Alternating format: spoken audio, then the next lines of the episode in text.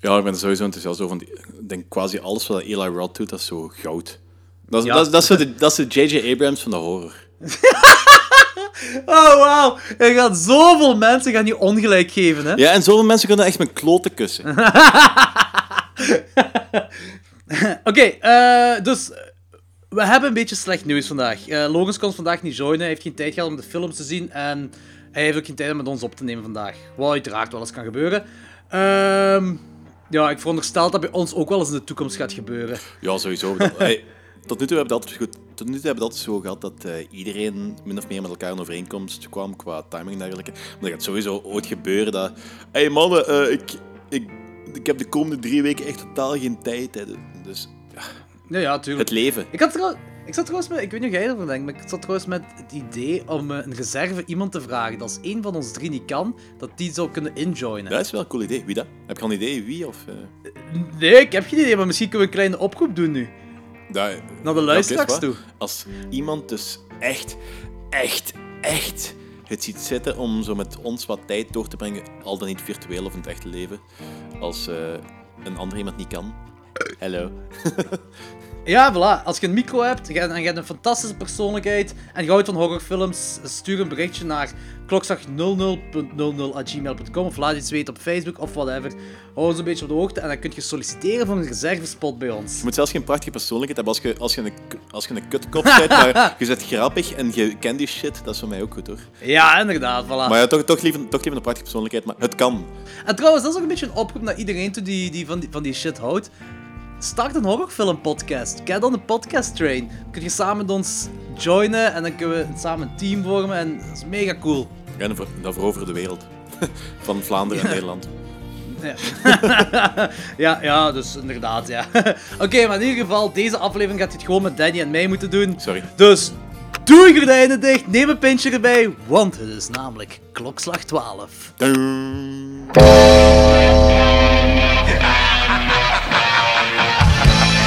Hallo iedereen.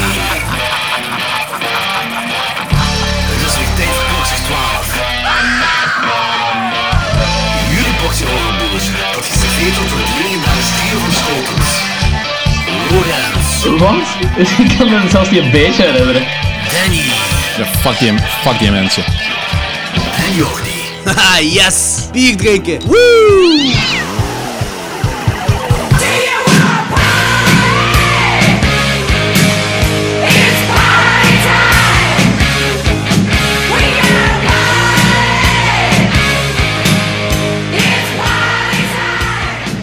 Hey, woehoe! Klokslag 12, partytime, enzovoort.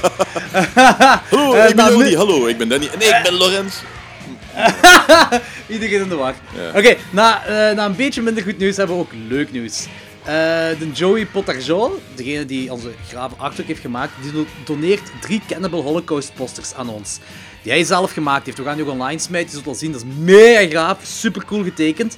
Maar het coole van alles is dat drie luisteraars kunnen deze poster winnen. En hoe kun je deze poster winnen? Eh, ik zal een post maken op Facebook waar deze poster in zit. Deel deze post op uw Facebook. Zorg ervoor dat die post ook niet privé is, dat iedereen eh, die openbaar staat. En zeg wat je van, eh van Klokslag 12 vindt, of zeg wat je nog wilt horen van Klokslag 12, of wat je een leuke review vindt van ons. Eender wat, zeg iets over ons. En al die namen die iets zeggen over ons, die worden in een hoedje gezet. En daar wordt met onschuldige hand één iemand uitgetrokken. Drie iemanden eigenlijk. En deze drie personen zouden dan de poster kunnen winnen. Ja, dan moet je zo denken aan, die, eh, aan een van de weinige echt goede grappen die Geert Os ooit heeft gemaakt. Denk over de, de tombola bij de lokale pedofielenbond en de winnaar werd getrokken door een onschuldige kinderhand. Oké, die is al goed. Ah, dat lijkt me ook geen Geert Hostenmop Ja, maar eigenlijk. het is effectief, effectief, effectief. Dus, het is van Geert Os. ik kan het bevestigen, dat is een van die conferences. Dus eh eer wie eer toekomt. Niet veel, maar ja. Oké, waar. Eh, trouwens, ook voor de mensen die eh, niet zouden winnen, eh, je kunt de poster ook gewoon kopen voor 15 euro bij Joey Potterjean. Ehm dus moest je een van de niet gelukkige winnaars zijn, koop die poster toch eens fucking cool. En voor 15 euro gaat je zo'n gaaf artwork nergens kunnen vinden. Ja, amai. Dat is zot, hè. Heb je veel films gezien de laatste tijd?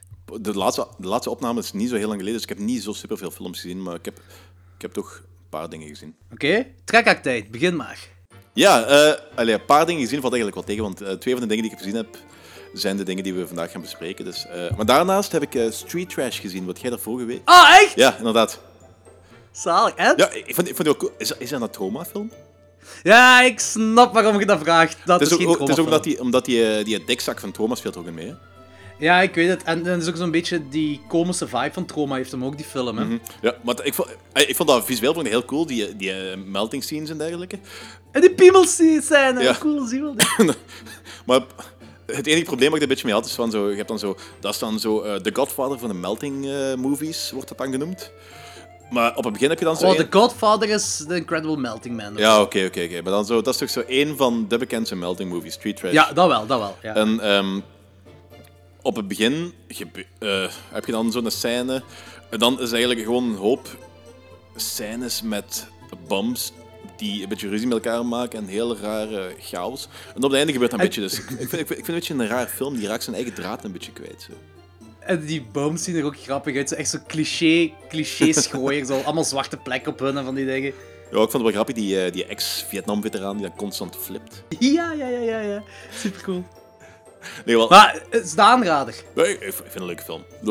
Ah. Zeker, zeker aangezien dat ik zo niet, van, eh, niet zo into komische dingen ben. Ik vind zo die melting toestanden vind ik, ik vind dat altijd heel fascinerend. Dus zo, is een graaf effect ook. ja, het is wel heel kleurrijk hier. het is zo, Ja, heel neon. Het is vrolijk, echt vrolijke kleurtjes. Ik vind dat wel leuk. Ja. ik bedoel black metal. Eh. Eh, voor de rest, ik heb grootste deel van seizoen 2 van eh, Rick en Morty gezien. Ik weet niet of dat, dat, Oh, daar, zit, daar zit genoeg horror in om dat te kunnen zeggen. Dus eh, we hebben juist echt vijf minuten voordat ik met de podcast begon, de laatste aflevering gezien van seizoen 2. Dus we gaan nu straks of morgen beginnen met seizoen 3. Ah, fijn. Met eh, Rick Pickle, wat zo het internet aan het over... Pickle Rick! Ja, Ja, Pickle Rick, ja. Wat zo het internet Mijn een beetje aan het over is. Juist. Anyway, en dat is wat ik gezien heb. Oké, cool. Ik heb een Dario Argento classic gezien, namelijk Opera. Uit eh film uit 1987. Nog nooit gezien. Van... Ja, echt fantastische film. Ik ben, ik ben sowieso een heel grote fan van, van, eh, heel, van alles van Dario Argento voor de jaren 90. ben ik sowieso fan van. Dat is echt... Die dude, visueel alleen al, maakt die supercoole dingen. En ja, opera hoort daar sowieso wel bij. Ehm, dan daarna, vanwege onze top 20 2000 lijstje, wou Machteld wou uh, Labyrinth nog eens zien. Dus hij heeft Labyrinth gezien. Nee, maar hoe goed is die film, hè? Fucking goed, hè. Echt fucking goed. Ik, ben zo, Ik had echt- ik ben zo blij dat ik die in die bioscoop heb kunnen zien. Hè. Dus, Ja, ja, idem, inderdaad. Dat is een fantastische film. Alleen, het duurt al wat te lang. mhm, Oké. Het mag iets, iets korter zijn wel. Maar in ieder geval, mega coole film. Super gave effecten, super gave monsters. Hey, Eh, dat, echt- dat één beest daar in die... In, eh, dat met, met zijn ogen in zijn handpalmen. Holy fuck. Ja, ja, dat, is bezig. puur, dat is puur nightmare, nightmare fuel, hè? Want die Simpsons intro Mr. Burns speelde. Eh, ja, maar ik heb zo van de laatste... Ik heb, dat- ik heb dat eens een keer voorbij zien. Ja, juist. Die aflevering wat... eh, Del Toro heeft dat gemaakt, Del die Toro heeft gemaakt. Holy fuck, dat is een, cool, dat is Ja. een coole intro, hè? Ja, ja zeker. Eh, nee, eh, moest iemand nog twijfelen en die nog nooit gezien hebben, dat is een must-see. En ik heb nu pas eh, van Gremlin Strikes Back gehoord dat Sven de Ridder die weigert te kijken wegens, ik weet niet, pretentieus of zoiets. Ehm, Sven de Ridder, moest jij luisteren naar deze podcast? Kijk dan, man. Serieus. Echt. Kijk die fucking film, echt waar, die is zo fucking goed. Daar zit niks pretentieus in. Ja, eh, ik, ik, snap, ik snap niet wat mensen daar zo pretentieus in zouden kunnen vinden. Hey, definieer pretentieus. Eh, ik zal defini- eh, pretentieus definiëren, namelijk de film Cujo. Die film dat deze jaar is uitgekomen, die, dat was mijn volgende film dat ik gezien heb voor de trekkerronde. En dat is heel veel bus rond geweest. Dat is eh, die film gemaakt door Flying Lotus. Was zo, zo the grossest movie ever made, bla bla bla, allemaal zo. Ehm Kunt je dat even spellen, wel. want ik heb Cujo verstaan. Cuzo, ehm, K-U-S-O. Oké, dat is niet over de Sint-Bernardshond. Nee, nee, nee, nee, nee, nee, nee. Nee, was het die film maar. Ehm, deze film dat gaat over... eh, Ik heb geen fucking idee waar deze over gaat. Er gebeurt een aardbeving op het begin. De laatste muziekgewijs weet dat er een aardbeving is. En dan heb je, ah, ik weet niet, vijf verhalen dat zo wat doorheen lopen. Maar niet als een anthology, maar meer zoals de wraparound van een anthology. Ah, dat is, ja, is- de film, het, het, het ergste is, die film probeert gross te zijn. En die probeert veel te hard om te schokkeren. En dan faalt je erin, vind ik toch in ieder geval. Er is ook niet veel origineel aan die film. Oké, je hebt wel een gigantische anus dat kak gevoerd wordt in een bos. Eh, maar het is zo precies die typische, eh, zo, de afgestudeerde filmstudent dat zo hut van hut gaat maken en, en denkt van ja, maar jullie snappen dat niet, zo van die dingen allemaal, zo heel experimenteel probeert te zijn. Da- daar heeft dat meer van weg. En Oké, de effecten zijn oprecht goed gedaan, dat wel. En die animatie ook, die animatie heeft van weg van, eh, van, Monty, van die typische Monty Python animatie. Eh, de stop motion is ook heel cool. En er is één scène met zo twee fluffy monsters dat eh, monitors als gezichten hebben. En op die monitors wordt zo wat geanimeerd. Dat is ook enorm cool. Maar voor de rest is het eigenlijk gewoon precies een verzameling van, van die Flying Lotus en dromen en nachtmerries of whatever. Er is niet echt een link in de verhaaltjes zelf. En het heeft ook geen doel precies. Het is, het is precies een hoop ideeën door elkaar gemengd zonder echt een, een rode draad erin te vinden of erin te zetten. Je hebt zo, je hebt zo waar je hebt een Aziatische griet dat valt en aan een zwarte madame vastgeraakt. Je hebt een koppel dat houdt van wurgseks en ook van etter of van die pus over zich heen te krijgen. Je hebt een zwangere junkie griet met die fluffy monsters. En dan heb je gigantische anus en een bos dat kak te eten krijgt. En daarmee heb ik de film gezegd. Oké, ik ga die... Ik weet niet wat eindigt, ik, weet, ik snap het niet. Dat is echt... Oh ja, dit is sowieso de ergste film dat ik deze jaar gezien heb. Dit is de laagste score dat ik kan geven. Dat is sowieso een 1 op 10. Wauw. Dat is echt... Ik vond dat een kutfilm. En ook nog iets. Die is gemaakt door een muzikant, maar die score, die, die, die soundtrack trekt op niks. Dat is echt niks memorabel aan. En... Pff, fuck die films. Precies, kort gezegd, David Lynch op LSD dat veel te hard probeert om te chockeren en daar heel hard in, in faalt.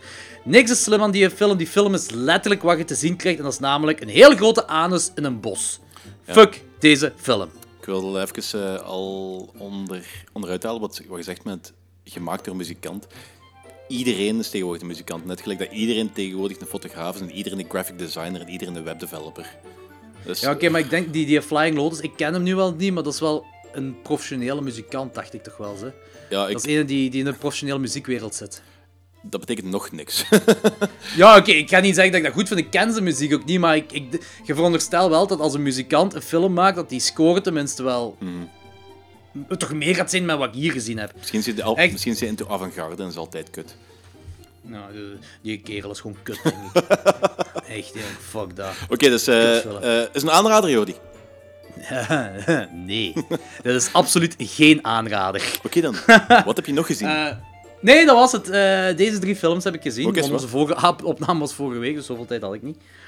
Ehm, gaan we anders gewoon over naar onze eerste feature review van de avond. Ideaal. Ja, en dat is de, de classic From Beyond. Every journey begins in the mind. A flight of imagination. A vision of what might lie across the universe. Or within the deepest regions of the subconscious. Dr. Edward Pretorius is about to embark on such a journey. It's out of control. You've got to turn it off. Something's coming.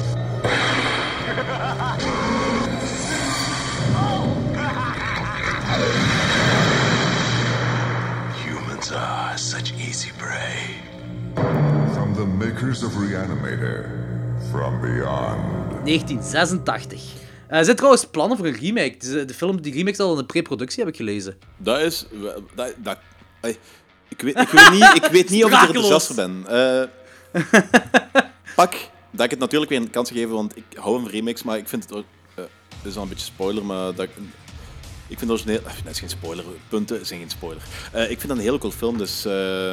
als een remake komt en die is cool, des te beter. Als een remake komt en die is niet cool, dan blijft het origineel. Dus eh, laat me komen. Uh -oh. Oké, tagline. Everything is alive and hungry. Eh, geregisseerd en geschreven door eh, ja, de, hoe moet ik zeggen, horror-icoon Stuart Gordon. Lovecraft-icoon, want die kerel die heeft een paar van Ook al, de beste ja, ja, ja. Lovecraft-filmen gemaakt. Zoals Reanimator en Dagon en zo. En, Mhm. En die heeft ook dinges, eh, een remake gemaakt van eh, The Pit and the Pendulum. Ah, cool. Ja, ik heb alleen het origineel gezien daarvan. Het origineel vind ik fantastisch. Roger Corman, Vincent Price. Een remake nooit gezien. Eh, en een film genaamd Dolls. Dat is iets voor Logans. Ja, ik heb, ik heb die trailer voorbij zien komen, die staat op mijn lijstje, want ik wil, ik wil die dringend zien. Want ik heb vorige week of twee weken daarvoor een lijstje gezien van deze poppenfilms moet je gezien hebben in verband met die nieuwe Annabelle-film. En Dolls, en Dolls stond er heel hoog bovenaan. Dus, en ik, vind, Stond eh, Black Devil Doll erin. eh, ik ben heel blij van niet. Dan, want ik wil die lijst effectief afwerken, maar Black Devil Doll moet ik echt niet zien. Nee, dat begrijp ik. Eh, Oké, de cast.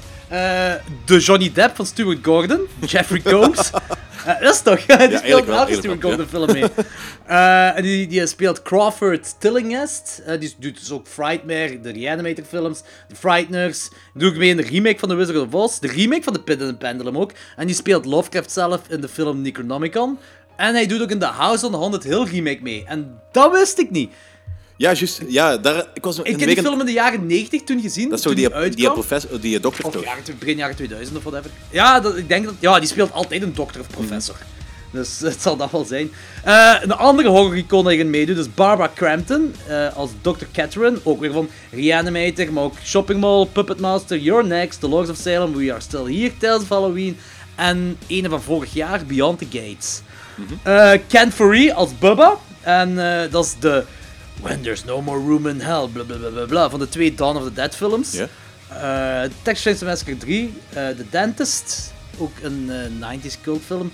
eh Devil's Rejects en Rob Zombie's Halloween en Lords of Salem ook. Eh, en dan heb je Ted Sorrell als Dr. Edward Pretorius, wat obviously van Bride of Frankenstein is die naam. Ja, sowieso. En eh Carolyn Purdy Gordon als Dr. Bloch. En dat is ja, sowieso ook naar Robert Bloch van eh, de schrijver van Psycho gedaan. Heel subtiel, heel subtiel. ja, wow, subtiel ja. Eh Lorenz, ik bedoel Danny, geef eens een synopsis. Oké, ehm, wacht. A group of scientists have developed a resonator, a machine which allows whoever is within its range to see beyond normal percept- perceptible reality. But when the experiment succeeds, they are immediately attacked by terrible life forms. Ja, en dat is ook echt waar. Ja, eh, dat kunnen we niet meer discussiëren, hè? Ja, inderdaad. Gaan we niet gewoon een half uur zeveren over wat voor een babe Barbara Crampton is in deze film? Fuck man. Dat is iedere tiener zijn natte droom als die die film ziet. Dat kan gewoon niet anders. Ja, Die heeft trouwens dat, dat leren dominatrix pakje heeft hij verkocht op een, een garage sale, op een rommelmarkt. ik, had, ik had dat gerust wel willen hebben, hoor. Dus, eh, maar Ja, ik ook. Ik doe tegenwoordig keihard rommelmarkt. Ik ben er nooit zoiets tegengekomen.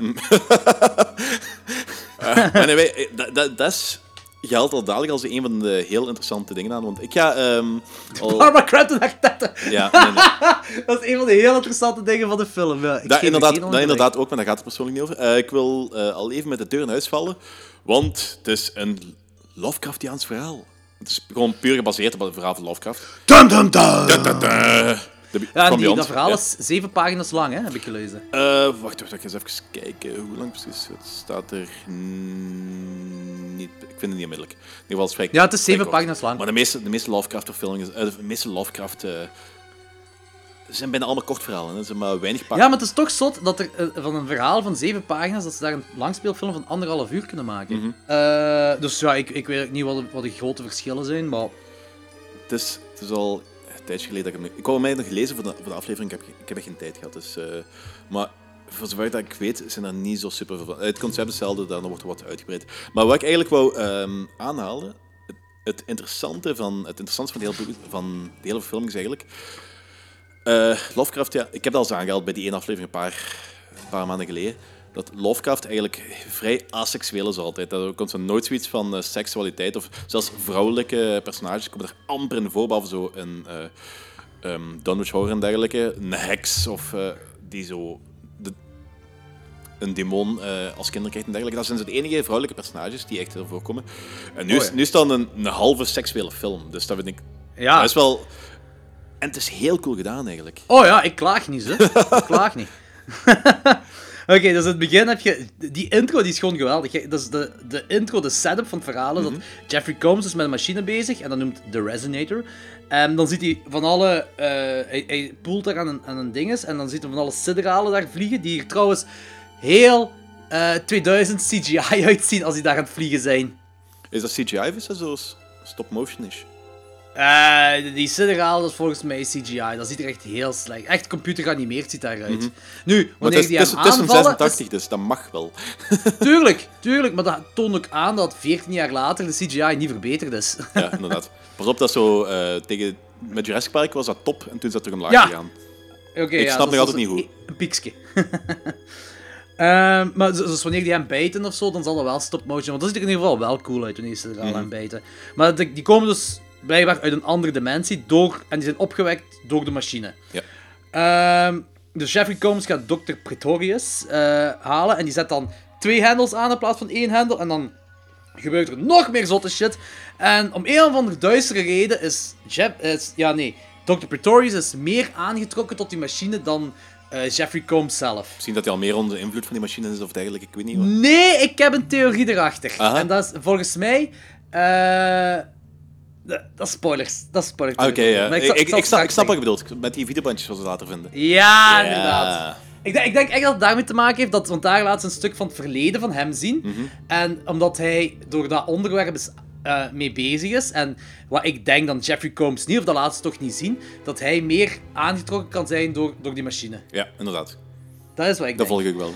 Oké, dus daar komt dan. eh dus Pretorius is daar keihard geobsedeerd door die machine. en eh, en ook dan, vanaf dan al blijkt dat die machine vanzelf kan draaien. Want Jeffrey Combs zegt van it's turning itself on of zoiets, zegt hem in die aard. Eh, en dan wordt hem opgegeten door een monster. En ik vind dat heel jammer dat ze dat, dat, dat offscreen gebeurt. Ja, Die kop wordt opgegeten. ja maar het is... eh, nu, om... Ik probeer niet spoilerig te zijn, maar een vergelijkaardige scène wordt, wel later, wordt later wel laten zien. Hè? Dat is wel waar, dat is inderdaad wel waar. eh, maar ik had het hier ook wel graag gezien. Ja, inderdaad. En dit alles is eigenlijk gewoon de opening van, van de film. En dat is, basically is dat perfect, want je hebt alle informatie dat je nodig hebt voor de setup van de film. En je weet een klein beetje van die machine, maar je weet niet juist goed genoeg wat. Dus je zit gewoon meegetrokken in die film en je wilt meer weten. Ja, en de film begint gewoon met een knaller. Klaar. Ja, inderdaad, dat is perfect. Oké, en dan eh, komen we Barbara Camp- Crampton tegen als de sexy psychiater dat eh, Crawford wil onderzoeken. En dan legt Crawford dus uit wat die machine is en, en bla bla allemaal. Eh, die wordt voor gek verklaard, maar Barbara Crampton is geïnteresseerd, want zij wil weten wat die it is, wat het hoofd heeft afgebeten van Pretorius. Dus die gaan een CAT-scan doen, maar ik vind deze dat is een beetje een what the fuck moment, want daar wordt revealed dat er een klier in, in Jeffrey Combs zijn kop is. En een van die, ik weet niet meer juist wie, maar die verpleegster die zegt zo van, ja, die tumor, dat zorgt misschien voor de hallucinaties en bla bla bla. En Barbara Crampton zegt zo, ah, maar het is misschien geen tumor, misschien zegt hij de waarheid. Dat is een vrouw van de wetenschap. Dat is niet normaal dat die gewoon die veronderstelling gaat maken. Ja, nee, nee. Dat is, dat, dat is, in de echte wereld was ook niet gebeurd. Maar Een tumor lijkt het meest voor de hand liggend op dat moment. Tuurlijk. Zeker als je met zo'n machine bezig bent, dat kan ook kanker veroorzaken. Mhm. Dus ik vond het echt heel raar dat hij onmiddellijk zei van... Ja, maar eh, we gaan het toch verder moeten onderzoeken hoor, want dit zal waarschijnlijk geen tumor zijn. Ja, maar kijk, stel je gewoon voor dat ze diezelfde scan zouden hebben gedaan en dan ze- zeiden ze van... eh, ja, sorry, je hebt een tumor. Ja, nee, nee, dat is... Ja, film is- gedaan. Film gedaan. Oké, dat is wel waar. Dat is wel waar. Maar oké, dan nog, eh, als Barbara Crampton dan toch denkt dat het iets anders kan zijn en dat hij de waarheid vertelt, nogmaals, dat is een vrouw van de wetenschap. Dus zij wil dat gaan recreëren wat er uitkomt uit die machine, wat het hoofd heeft afgebeten van Pretorius. Dan weet je toch dat dat wel ongelooflijk gevaarlijk is. Dat je niet gewoon met je trucjes naar dat huis kunt gaan en zeggen van, oh, we gaan deze gewoon opnieuw doen. Eh, what can I say? It's a woman. Oeh! Nee, nee, nee. Dat is, dat is, eh, dat is een grapje, dat is een grapje. In het huis zelf. Eh, is, er iets, is er iets misgegaan met die belichting, denk ik, op set? Of, ah, het, het huisnummer, heb je dat gezien? Dat is 666. Ja, inderdaad. Dat is, dat, was- ik, ik heb letterlijk zo... ehm, toen dat we kijken waren, pauze gezet, teruggedraaid. Sophie, kijk. 666. Vond je die ook een beetje cliché? Deed niemand pijn, dus ik vond dat wel een leuk, Nee, leuke geste. dat is waar, dat is waar. Oké, eh, maar ik vond het grappig dat in, in dat huis zelf, als die, het moet er zogezegd quote-unquote donker zijn. En eh, ze zijn met elkaar aan het praten en ze zeggen iets tegen... eh, Jeffrey Combs is er ook nog altijd bij. En dan zegt Barbara Crampton iets tegen Jeffrey Combs en hij antwoordt niet meer. Hij is kunnen ontvluchten in het donker, terwijl alles super belicht is. Ja. Ik weet niet, was hij opgevallen? ja, nee, dat puntje is niet precies opgevallen. Dus. Oh, ik vond het zo, zo nozel. Dat hij zo... Oh nee, hij is weg, het is donker. Het was helemaal niet donker, het was echt overbelicht gewoon. ja. Oké, we gaan gewoon spoilers doen nu. Ja, graag. Oké, zo waar. Perfect.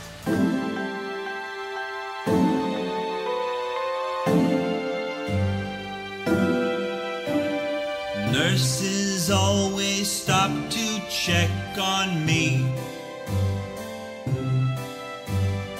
Locked away for my security. Oh, these voices. are to blame for this catastrophe. But my one wish on Solstice Eve is as plain as it can be. Want for solstice is my sanity, my sanity, my sanity. Gee, if I could only have my sanity, then I could have a happy solstice. Imaginary voices make me. Dus ik denk waarom Pretorius ehm, a- alleen was aangetrokken door die machine, is omdat hij een, een heel kinky verleden heeft. En eh, ze laten dat zien doordat er een, een videoband aan het spelen is met eh, Pretorius, dat heel kinky, dominante seks heeft met een of andere griet. Ja. Ehm, maar wat ik me afvraag is, wie heeft die videoband aangezet? Was dat Ehm, Jeffrey Combs? Was het de machine? Maar die machine is uit op dat moment, zo gezegd. Ja, maar kijk, pakt, als die machine zichzelf aan zou kunnen zetten, zou, zou dat betekenen dat die machine, ook al is die ehm, kapot gemaakt en kan die zichzelf niet precies repareren of zo, dat heeft misschien nog wel een invloed op eh, onze wereld, onze dimensie of zo. Dus dat kan wel. Dus de machine heeft de videotape aangezet. Eh, Lorenzo zegt, just go with it. Oké. Maar dan nog, pak, pak dat hij dat aangezet... van Pretorius. Ja, maar pak nog dat die, dat die machine die heeft aangezet. Waarom? Waarom wil die machine eh, laten zien dat eh, Pretorius kinky sex heeft gehad vroeger? Ik weet niet, intrigue creëren? Misschien zelf ook zo die...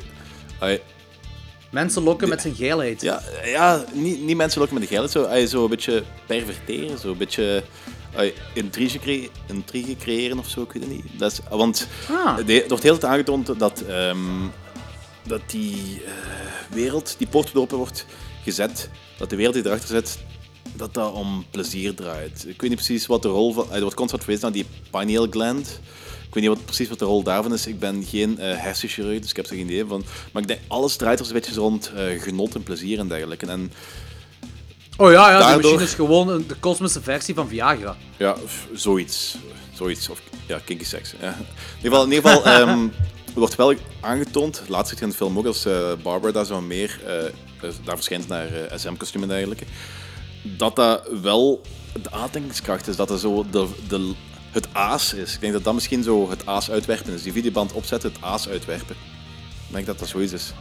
Want mensen houden met seks. Ik bedoel, ja. Oké, oké, oké, oké. Ja, nee, oké. Dat zou wel inderdaad kunnen. Hier is nog een what the fuck moment. Eh, Crawford wil die machine vernietigen. Wat ik snap, zeker na wat hij heeft gezien. Eh, maar vlak daarna gaat hij toch akkoord om de machine te repareren. Dus zo, ze gaan precies veel te vlug daarin in voort. Ze hebben geen, geen ademruimte gegeven om, om hem te kunnen overtuigen. Daarvoor is gewoon van, hij wil dat vernietigen. En vlak daarna zegt hij, ah, nee, misschien inderdaad moet ik hem repareren. Ja.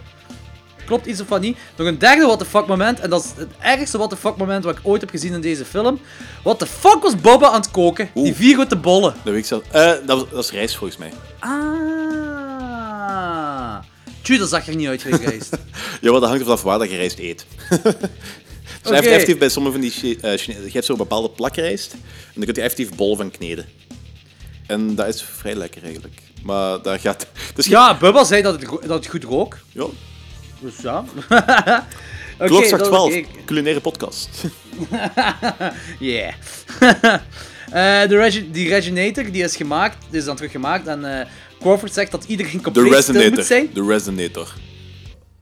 De Resonator. ik zei de Reginator, dat is zo... Waar zijn die handjes? Oké, Reggie is gemaakt. Ja, maar is, en- dus je moet elke keer, elke keer als je zegt Resonator, moet je met zo'n Zwitsers-Amerikaans accent. Resonator. Nee, de Resonator. Oké, ik ga gewoon zeggen machine. Machine. De machine is gemaakt. De machine. En, eh, en eh, Crawford, dat, dat is ook zoiets. Die machine is gemaakt en Crawford zegt dat iedereen perfect stil moet zijn als de, de machine aangaat. En wat doen ze? Allemaal bewegen. Ze hebben allemaal koppen en ze zijn allemaal aan het bewegen. En dus ja, en dan heb je al die monsters daar, dat dat hun aanvoelt, omdat ze, ik denk, bewogen hebben, ik weet het niet juist. Ehm, en dan heb je, op dat moment heb je ook zo een klein vluchterig momentje tussen Crawford en Barbara Crampton. Eh, dus dan begint dat volgens mij toch al zo het seksuele tussen hun twee te komen, of zeker langs Barbara haar kant. Uh-huh.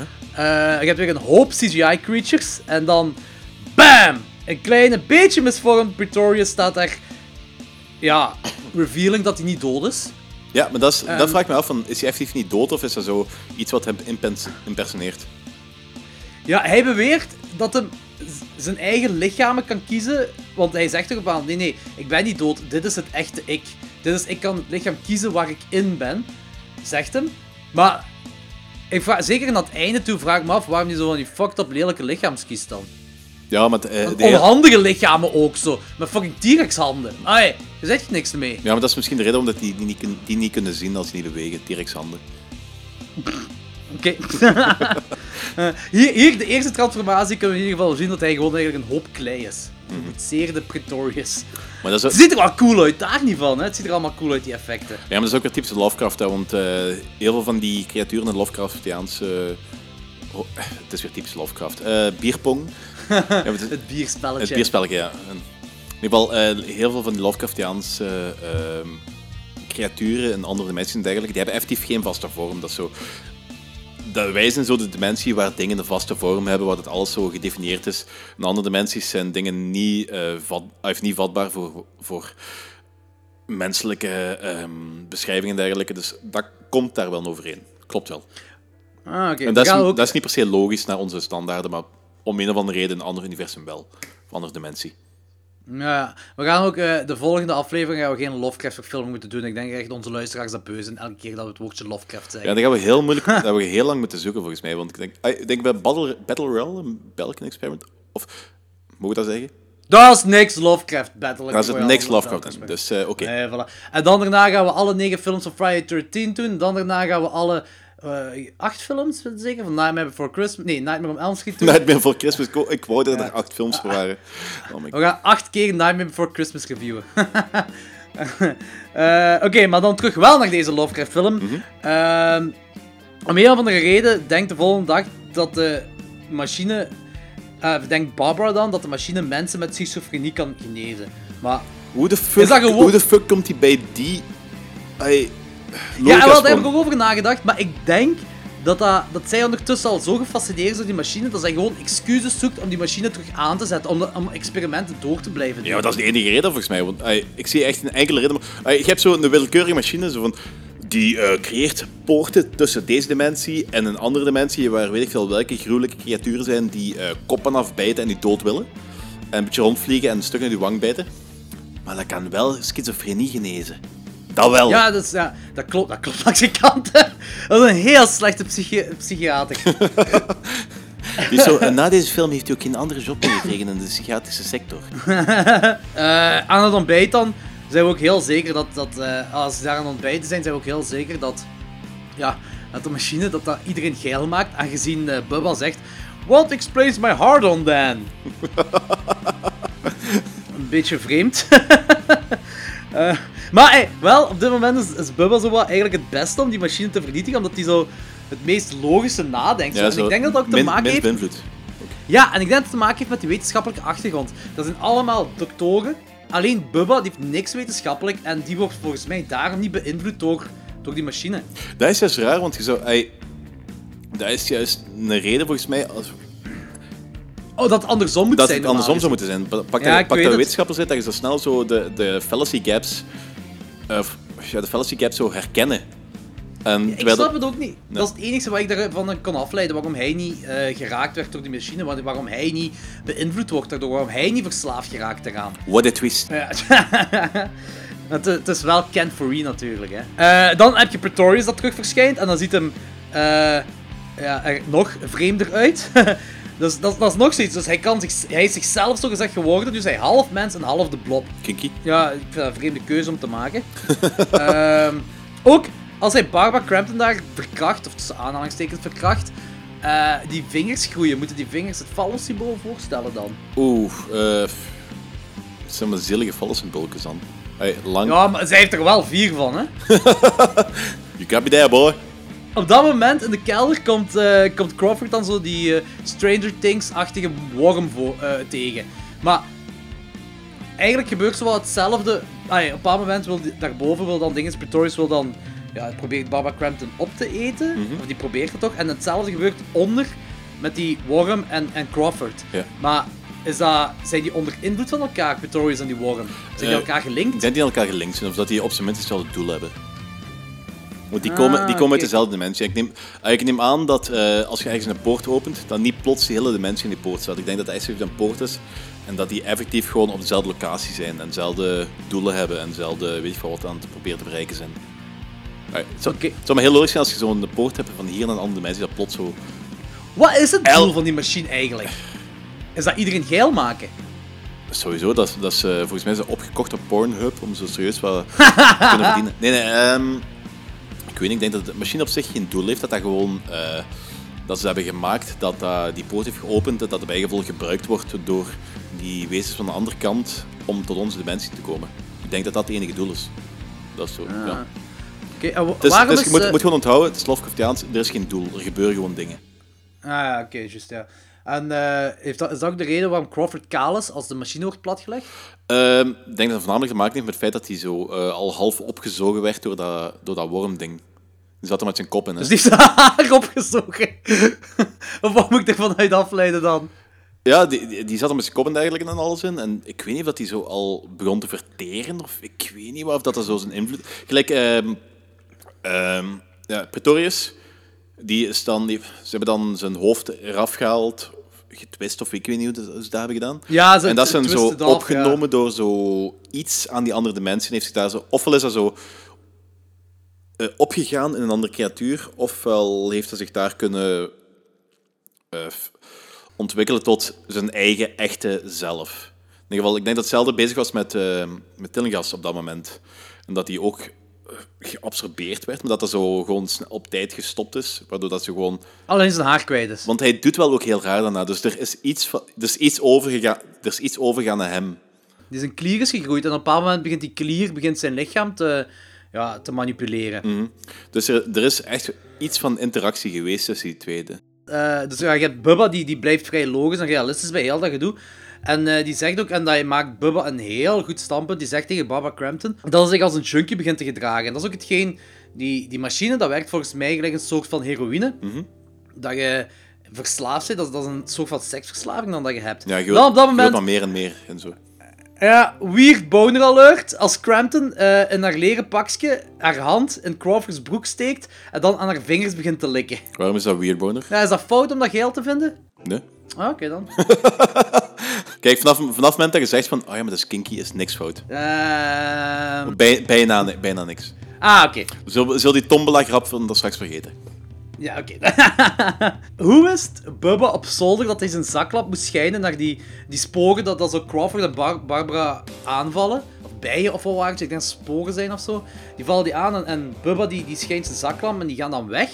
Hoe wist hij dat dat zou gebeuren? En wanneer die zaklamp terug eh, op hem schijnt, op zijn gezicht, dan vallen de sporen hem aan. Ik weet niet juist hoe die sporen dan werken of wat de regels zijn achter die sporen. Dat is wel een beetje heel raar logica. Want oh, dat, is, dat, gaat een beetje verder op hetgeen wat we toen hebben gezegd met eh, de mist. Omdat eh, die eh, lul daar al die fakkels begon aan te maken, of licht begon te schijnen. Dat ik denk dat, eh, ik denk dat Bubba misschien zat van, oh ja, maar die dingen worden misschien afge, afgeschrikt door licht. Oké, Dus- dat kan zijn. En die worden ook effectief afgeschrikt. Die gaan ook weg. Maar wanneer het licht op hem schijnt, Dat dan gaan ze allemaal daar naartoe. Dus de- die regels kloppen niet echt. Nee, inderdaad. Precies. Dus ik denk dat, ey, eh, Q Lawrence, just go with it. Oké, denk- just ik- go with it. Ik denk, ik, denk, ik denk dat we, een- het heeft geen zin om daar verder over te gaan discussiëren volgens mij, want dat is, dat is gewoon een logica. Ja, nee, ik heb, we hebben er ook geen oplossing voor. het ziet er wel heel cool uit als eh Bubba wordt opgegeten door die sporen. Ja, amai, dat is wel heel cool. Dan komt Pretorius een nog een smerige lichaam terug. En eh, die special effects zijn ook weer enorm graaf gedaan, maar ja, het is nog altijd een heel vreemd lichaam. Dan nog een vreemder lichaam dat Pretorius nu in zit. En eh Crawford, eh, die klier van Crawford, die wordt, ja, ik weet niet, levend en die popt uit zijn kop. Eh, waardoor hem dan kan zien en dan ziet hem zo eh, een geanimeerde versie van, van eh, het zicht van Predator precies. En dan zegt hij ook zo, oh, it all looks beautiful. Ik vind echt niet dat het er allemaal mooi uitziet. Het ziet effectief gelijk een geanimeerde versie van het zicht van Predator eruit. Ja, oké, maar dat is, dat is nogmaals het punt van dat ze, eh, ze vertalen enkel maar wat wij kunnen vatten. En Oké, dus zij zien het nog anders dan dat wij hun zicht ja, zien. het is een vertaling. Dat, ey, het is gelijk, ze hebben, ehm, ik heb vorige week, vorige week eens gelezen dat er een vrouw is die door, bepaald, ehm, door bepaalde abnormaliteit aan haar ogen extra kleuren kan zien. En ze kunnen dat aan ons probeer, probeert laten zien hoe dat die vrouw eh, zicht heeft en dergelijke. Ah, Maar ze- ze gaan, dat altijd moeten. We gaan dat altijd, ze gaan dat altijd moeten vertalen naar hetgeen wat wij zien. Dus Ja, we, gaan dat niet, we gaan dat niet kunnen vatten. Dat is, dat is, een, perfecte, dat is een perfecte vergelijking eigenlijk. Van, die ziet extra kleuren. Oh ja, maar welke extra kleuren we hebben, maar dit spectrum. Ja, maar zijn buiten dat spectrum zijn er nog. Ja, maar hoe ziet dat eruit? Ja, dat kunnen wij niet zien. Ja, hoe ziet Dat dat kun je ook niet uitleggen. Ja, voilà, je kunt dat niet uitleggen. Dat is gelijk, gelijk Ah. iemand die altijd blind is geweest, kun je niet uitleggen hoe zien eruit ziet. Oh, dat is filosofisch. Ja, dat is de eerste keer dat het tijdens deze podcast gebeurt, wat filosofisch zijn. Dat is waar.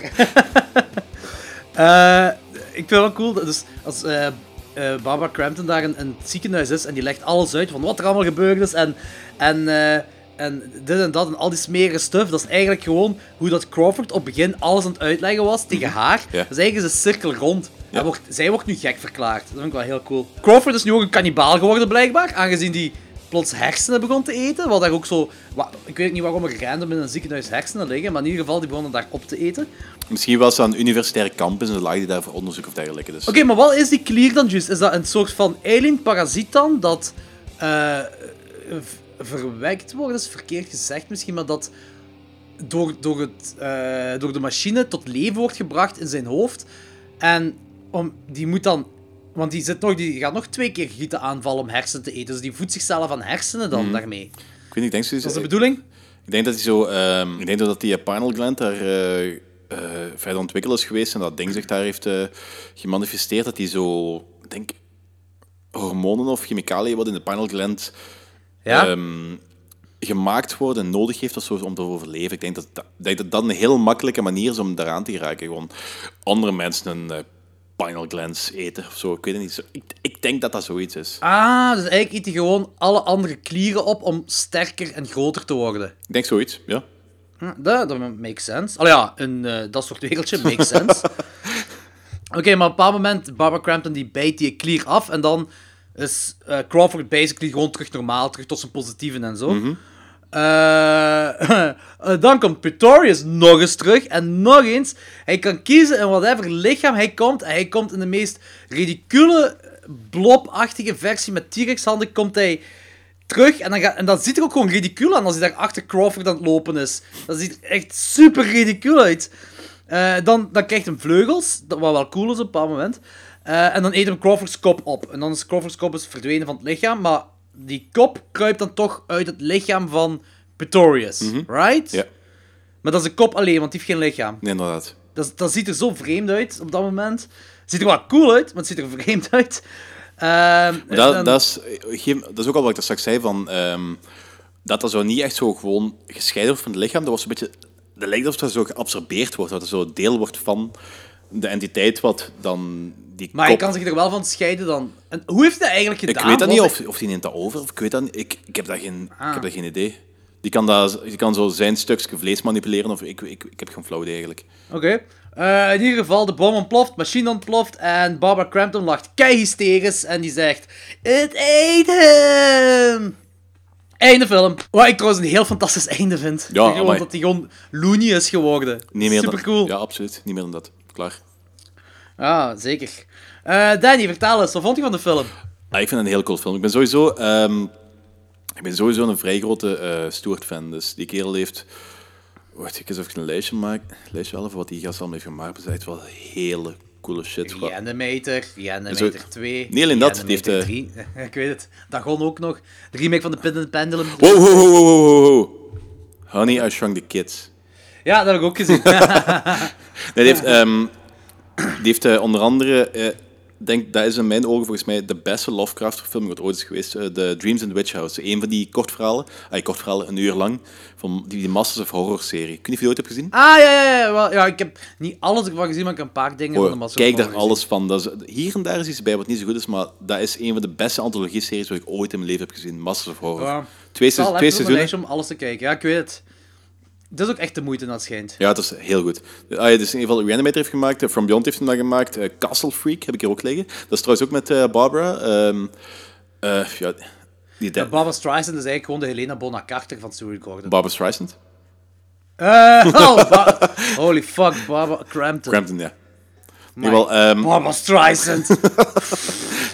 dus die massive horror eh, dingen. En die heeft nog iets gemaakt. Wacht, wacht, wacht. Er was nog iets wat hij had gemaakt. Eh, ah ja, de ding is, eh, die massive horror heeft hem ook een Poe-verfilming gemaakt van de Black Cat. Dat is ook allemaal heel cool. Oh, die is zo goed. Ja. Ah, ik heb die verfilming niet gezien, maar wel The Black Cat met Bella Lugosi en, Mhm. en Boris Karloff is mega fucking cool. En The Black Cat van Lucio Fulci. Ja. Die is ook heel goed. En hij heeft ook trouwens ook voor Fear Itself heeft hem ook dingen gemaakt. Fear Itself, dat is eigenlijk de... Dat is massive horror hebben stopgezet. Zijn ze Ja. een nieuwe anthology-serie begonnen wat in principe massive horror is. Onder een andere naam. Fear Itself heet dat. Ah, dat wist ik niet. En Cool. hij heeft Dagon gemaakt. Ja. Ook een hele Ja, cool dat film. Dus, eh, dus, dus ik, ik ben echt... Ja, die kerel en Lovecraft, dat gaat hand in hand. Ja, ik ben, ik ben dus een grote, een grote Stuart fan. Ik vind- ook al zijn die films een beetje tegen zo'n uh, kitschy, eh, niet per se kitschy, maar zo tegen het eh, Zo wat campy. wat campy aan. Ik vind dat elke keer dat heel goed gedaan. Zelfs al wijkt dat soms van het eh, bronmateriaal af. Het heeft zo de algemene sfeer kan hem wel bewaren. Ook al, en zo, ook al het feit dat hem zo met deze het, het concept heeft opengetrokken en dat hij veel seksueler heeft gemaakt dan Lovecraft op zich was. Want, Ja, dat wou ik juist zeggen. Ik vond stel dat het origineel Lovecraft-verhaal niet zo seksueel is. Ja, nee, ik die, heeft, ik denk dat die woord seks nog nooit in de, in de mond heeft genomen. dus ehm, ja, ik ben, heel, ben een heel groot fan. Ik vind het een heel cool film. Ik ben, ik ben blij dat ik hem onlangs nog eens heb gezien. Ik ben blij dat Sofie in slaap is gevallen, zodat ik hem binnenkort nog eens een keer kan zien. dus ehm, ja, Sven, ik Hoe geef, geef je hem? mijn twijfel tussen 8,5 of 9. Ja, kies maar. Waar je het zelf bij goed voor doet. 9. Oké, cool. Eh, ik vind deze film heel cool. Ehm, dus ik vind, het is een vrij kleine cast, maar ze hebben allemaal perfect geacteerd. Eh, dat Ken Faree erin plots in meedoet, vind ik ook mega cool. Ook heel, de eerste keer dat ik hem zag, was dat heel verrassend dat hij erin meedeed. Dat was mega cool. Eh, de effecten variëren van eh, slechte CGI naar mega grave practical effects. Ehm, vaak echt ja, onnodig is misschien het verkeerde woord, maar ja, ik stel me toch vragen bij het lichaam dat Stuart Gordon kiest. Volgens mij is dat echt gewoon gedaan om grave special effects te, laten kunnen, Ja. te kunnen laten Ja, zien. ja, laten we eerlijk Niks anders, ja. want het, verhaal, het verhaal zelf maakt dat weinig sens dat hem voor zoiets zou kiezen. Eh, maar voor de rest, ik, een heel grote aanrader. Voor moest hem iemand die nog niet gezien heeft, dat is een classic tot en met. Zeker kijken.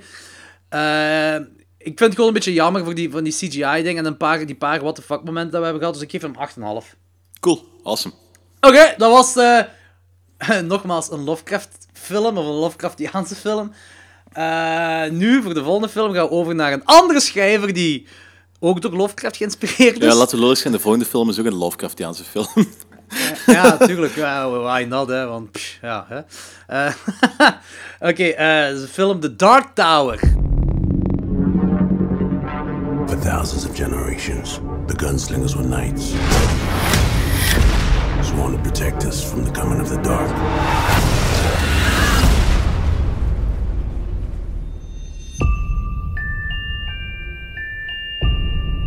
These visions, as you call them. What do you see? I see a tower, the man in black, and the gunslinger. They're just dreams. They're not real, Jake.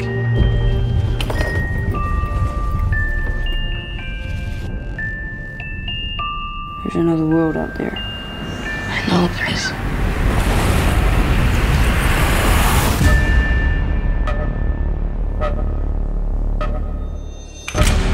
Whoa, Who are you? it's you. You're a gunslinger, right? There are no gunslingers. Not anymore. Why does the man in black want to destroy the tower? The tower protects both our worlds. If it falls, hell will be unleashed. He's like the devil, isn't he? No. He's worse. You can't stop what's coming. Death always wins. Your world might be gone, but mine isn't. You let that tower fall, billions of people die. Do they have guns and bullets in your world?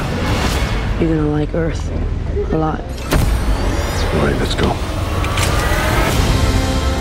Oké, ik ben terug. Oké, welkom Danny. Ik zit echt twee meter van mijn ijskast, dus dat is ideaal. Maar dat is fantastisch. Oké, The Dark Tower uit 2017 is nog maar, ik weet niet, een maand of twee oud, deze film. Ik denk zelfs maar een maand of zo. Dus, ah, dat is echt maar nog maar pas uitgekomen. Hè, dus. Jawel, eh, dat is naar een achtdelige boekenreeks van Stephen King met één connected universum en, eh, en links naar andere boeken van, van, van Stephen King zelf. Ah, het is daar een sequel op die even, onderbreken. Even onderbreken. Ehm, ik heb de boeken nog niet gelezen, dus ik ga voor de verandering niet te veel ingaan op die hele literatuur en dergelijke. Dus het staat al heel lang op mijn lijst, nog niet. Sophie wel, maar ik nog niet. Maar ehm, ik heb wel een beetje opzoekwerk. Ik heb wel een beetje opzoekwerk gedaan. En het hele concept van die donkere toren is eigenlijk dat alle universen daar samenkomen. Voor Stephen King is dat volgens mij een beetje de perfecte manier geweest om full meta te gaan. Dus dat wil ik even onderbreken. Dat is zo e- niet één universum. Dus- Eh, ja, oké, maar die... Ja, nee, maar met één universum bedoel ik het Stephen King-universum.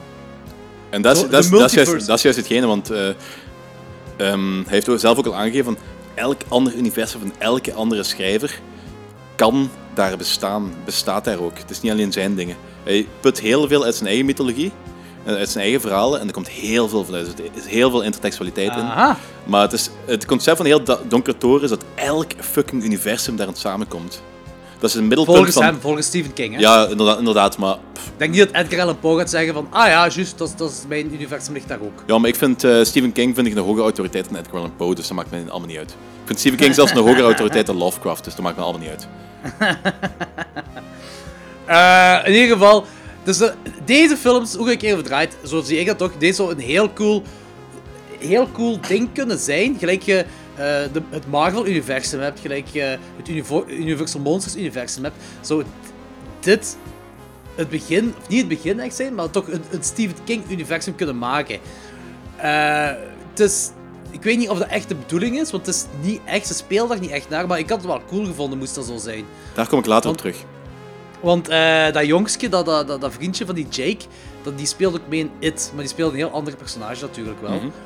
Maar het had wel cool geweest als het hetzelfde personage is. Ook iets waar ik ook later op wil terugkomen is met de villain. Die, eh, Matthew McConaughey. ja, die ook in andere dingen voorkomt. In andere Stephen King verfilmingen. Ja, één en ander, er is nog maar één andere filming waar dat mij heeft hiervan vertoond, dus Randall Flagg en de Stand eh, miniserie. De Stand, ja, de Stand. Daar had ik het over, ja. Ehm, Oké, Eh, de film. ja, hoe moet je dat zeggen? Die boeken zijn blijkbaar. Zijn die, eh, heeft Stephen King zich heel veel laten ins- inspireren op The Good, The Bad and The Ugly en A Few Dollars More. En ook de Lord of the Rings boeken. Eh, maar dat is, dat, is, dat heb ik altijd gezegd. Westerns, dat is volgens mij het belangrijkste filmgenre dat ooit gecreëerd is. Alles stamt af van westerns. En nu ziet je zelf dat, dat Stephen King zijn boeken, of deze, dat, dit is toch de boekenreeks van Stephen King. Ja, dat is een... Dat eh, is mag- Hut van Hut. Dat is een magnum opus, hè, dus eh, die reeks. Ja, voilà. En die is geïnspireerd op The Good, The Bad and The Ugly en uh, For Few Dollars More. Dus dat wil ook al veel zeggen. Er komt trouwens veel Stephen King adaptaties dit jaar. Ik heb dus nu de Dark Tower gehad. It komt binnen een paar weken uit. De Mist-serie is bezig. Mr. Mercedes, eh, de serie is blijkbaar al begonnen. Ja, en ze zijn bezig ook bezig. Dat is wat ik, dat is wat, dat is wat ik zei, van, ik ga er later nog op terugkomen. Eh, buiten het feit dat er van Dark Tower, daar komt een serie van, en er komt een sequel van, die gebaseerd zijn op het derde boek. De serie gaat trouwens zo heel veel van de verhalen van eh, de boekreeks eh, invullen. Dus eh, dat gaat met dezelfde hoofdrolspelers, dus dat gaat gigantisch uitgebreid worden. Maar wat ik het meest enthousiast over ben, is momenteel eh, zijn ze bezig met eh, een serie genaamd Castle Rock. En dat gaat zo de meta-Stephen King-serie worden. En zijn effectief eh, personages en acteurs van andere Stephen King-films die ermee gaan meespelen. Gelijk eh Skarsgård, wat It speelt in een nieuwe Pennywise-film, gaat erin meespelen. Aha, dus Dus- dat is echt heel meta. Ja, dus ik ben daar mega enthousiast over, van dat universum. Die is voor volgend jaar, hè? Castle Rock. Eh, ik geloof het wel, ja. Dus, maar ik ben daar mega enthousiast over. Dat universum, dat is zo fucking briljant. Ik, ik, kan niet wachten tot, ik, ik kan niet wachten tot de It-aflevering, wat ik daar allemaal in ga kunnen vertellen. Dus. Ik kijk er ook naar uit, Danny. Ik kijk er ook naar uit. Amai. Volgend jaar komt dingen uit 1922.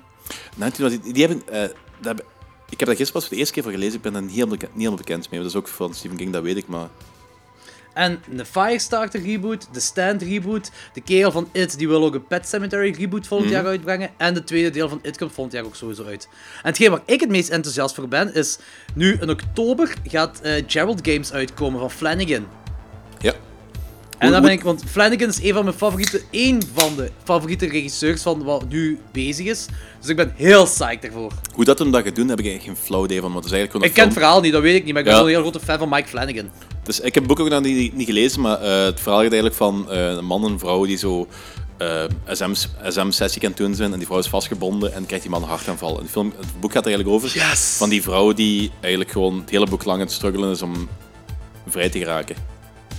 Oké. Dat dat, is, psyched. dat is wat ik wel weet. Dus ik vraag me af hoe dat hem dat gaat doen. Maar dat is zo de main concern waar ik al over die verfilming heb gelezen. Van hoe gaat hem dat verfilmen en hoe gaat hem dat interessant houden. Ik heb alle vertrouwen in Flanagan. Ik ben fan van al zijn films. Oké, awesome. Dus ik ben echt, eh, ik ben echt psyched hiervoor. Oké, Dark Tower, tagline. There are other worlds than, than these. Dat hebben we ook al bij From Beyond gezien. Dat is inderdaad zo, blijkbaar. Ehm, geregisseerd door Nikolai Arcel. Echt nog nooit van gehoord van die kerel. Ehm, en screenplay is door Akiva Goldsman. En die heeft ook...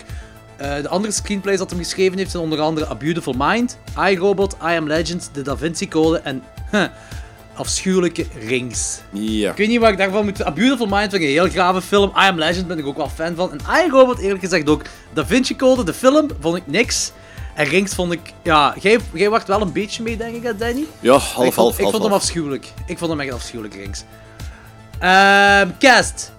Matthew McConaughey als Walter. Of Yes. eh, de, de Black Man. The Man in Black. Man? The Man in Black, dat was het. Idris Elba als ja, de gunslinger. ehm, of ja, Roland noemt hem zeker. Hij doet ook een eh, Prometheus mee, Pacific Rim, 28, 28 Weeks Later. En de Marvel films wat hem Heimdall speelt. Ja, ik heb geen gedachte, ik weet niks van Nee, dat, is, dat is super grappig, want er is wel mega veel eh, kritiek op geweest. Want Heimdall, dat is zo in de Noorse mythologie de, ehm, de witte god. Ah, niet, niet rasgerelateerd, maar witte god. De, de, de, hel, de lichtste god van allemaal. En dat wordt dan gespeeld door zo een Afrikaan. Dat is wel kei grappig. Sowieso dat er kritiek op is geweest. Daar is mega veel kritiek op geweest. Ik vond dat zelf ook al lullig, maar ja, uiteindelijk, wat boeit mij dat? Kom, het is een film. Ja, inderdaad, what the fuck. Dus zo, Eh, mijn, mijn Noorse mythologie interesse, ja, fuck dat. Ehm, dan heb je nog Tom Taylor als Jake en Dennis Heisberg als Steven. Een synopsis. Ja, synopsis.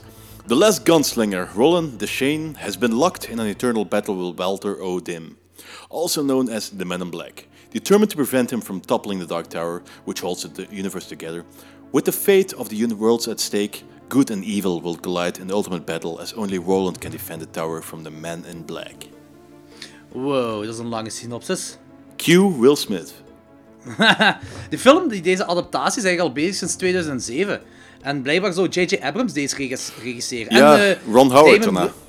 En, ja, en Damon Lindelof zou de schrijver zijn van het screenplay. Allebei van Lost dan. Eh, eerlijk gezegd, ik kan nu al zeggen, ik zou er meer psyched voor zijn dan eh, hetgeen wat we nu hebben gekregen. Ja, ik snap wat- wat J.J. Abrams wat hem vastpakt, dat wordt, dat wordt pure goud. Die, heeft- die heeft, ik weet niet, ik kan me niet herinneren of hij ooit al iets heeft gedaan waar ik zo niet psyched over ben, waar niet, niet enthousiast over ben. Die heeft me zelfs fan gemaakt van, dat, van die Star Trek dingen. En ik ben altijd een, een Star Wars fan geweest.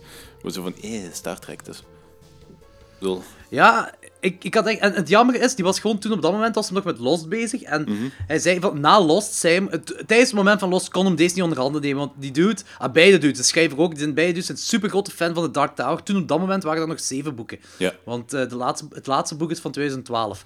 En eh, dus tijdens Lost, Lost was zoiets groots, dat, dat kun je zo'n soort verfilming... Want hij wil er ook effectief zeven films van maken.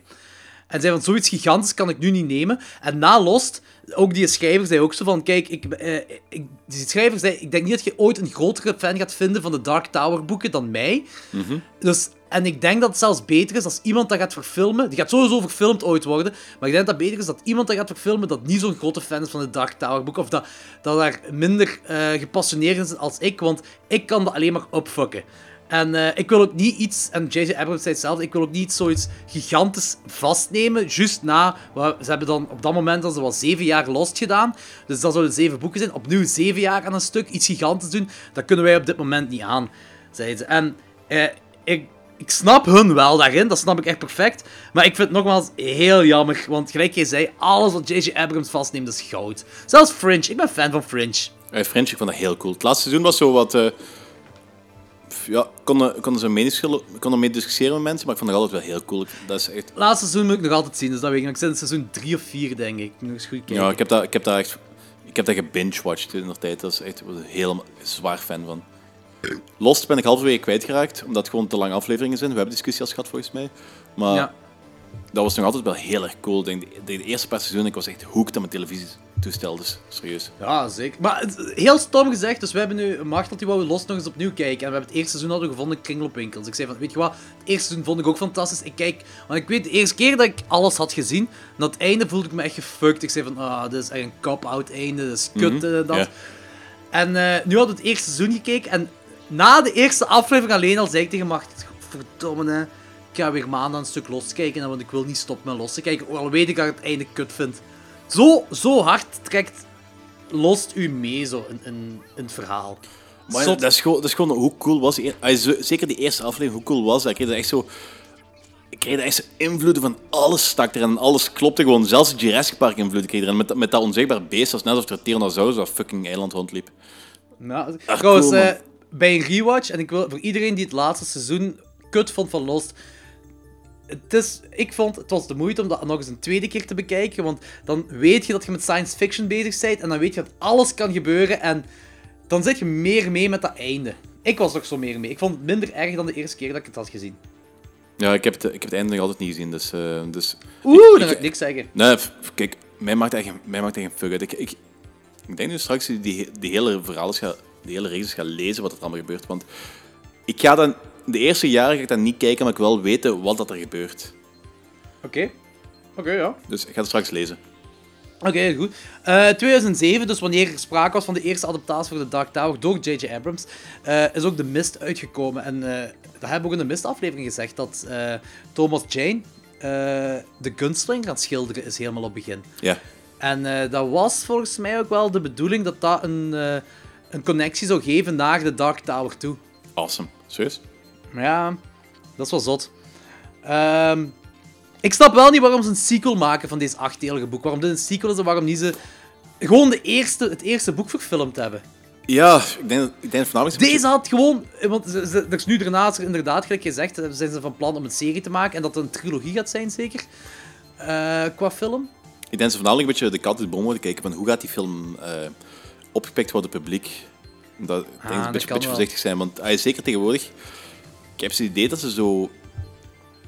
Er zijn zo bepaalde dingen waar ze van, waar dat ze van hebben van... Oh ja, dat gaat cool worden, we gaan onmiddellijk een trilogie van uitbrengen. En andere dingen dat ze zo wat voorzichtiger zijn. Van, we gaan eerst kijken of de volk dat aanslaat. Je ziet heel veel, de laatste jaren heel veel van die films die zo ehm, de eerste van de reeks kunnen zijn.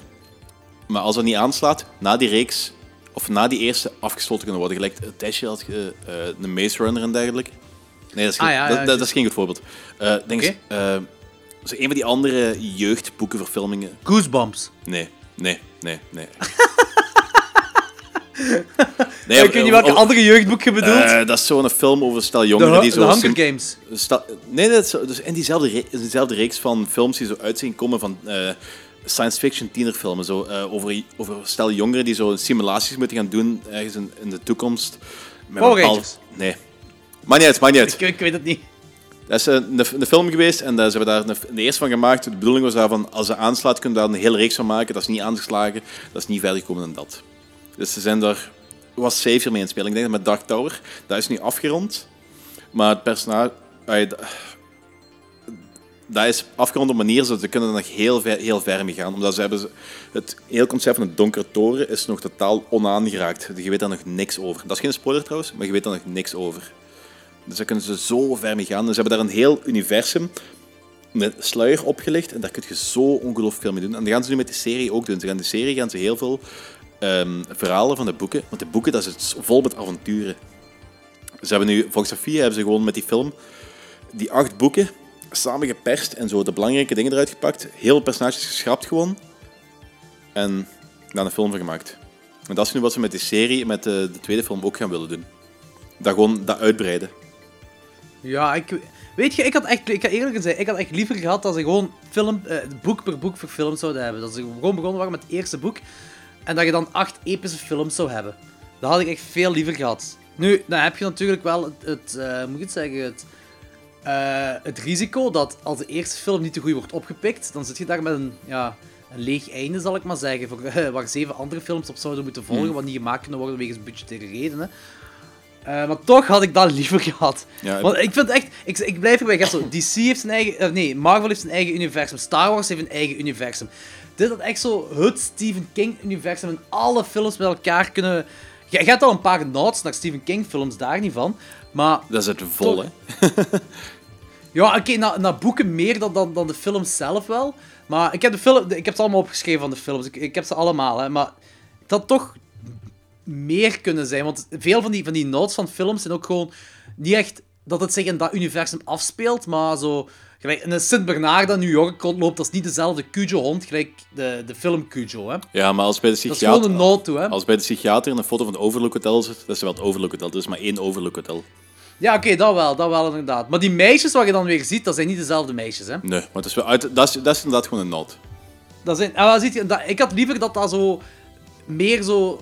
Dat je echt zo een personage uit een andere film zou zien of zo. Of wa- waarom niet Pennywise van It, aangezien die film nu toch uitkomt. Ja, maar dat is wel Want blijkbaar zo. is die, die ja, dat kermis. monster, dat, dat mon, ja, oké, je hebt Die dat kermis waar kermis de Pennywise boven staat. Dat is, Ja, met die ballonnen daar erbij. Maar ik bedoel echt zo dat je Pennywise ziet rondlopen of zo.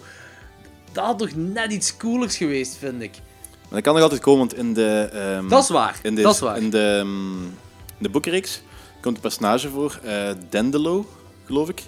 En dat zou dezelfde species zijn als wat It is. Of dat zou eraan gere- gerelateerd zijn. Of, Ja, maar het is ook... Het is ook eh, ze hebben ook... Ah, ik ben... Ik, ik weet niet, hebben ze dat echt letterlijk gezegd in die film? Maar die monsters... Ik vind trouwens... De, het monsters, de monsters wat je ziet... Dat is echt zo... Twee seconden screentime krijgen die monsters te maken. Ik vind dat echt veel te weinig, want die zagen er echt... Zag er echt heel cool uit. Hetgeen wat je ziet, ziet er cool uit. Maar dat is hetzelfde entiteit als dat Pennywise is, hè? Nee, nee, nee. Dat is, Jawel. Dat, dat is niet dezelfde Stephen King heeft dat gezegd. Heeft Stephen King dat gezegd? Stephen King heeft gezegd dat die, dat, dat hetzelfde, eh, die entiteit en monster, ah, niet letterlijk hetzelfde, maar dat is hetzelfde waar Pennywise vandaan komt. Zo, dat, zijn, dat, dat, is, dat is één, niet één geheel, maar dat zijn dezelfde entiteiten, zal ja, ik maar maar die komen, die komen op dezelfde plaatsen eigenlijk. hè. Mag, mag, mag ik het zeggen? Mag ik het zeggen? Bier, eh bier game?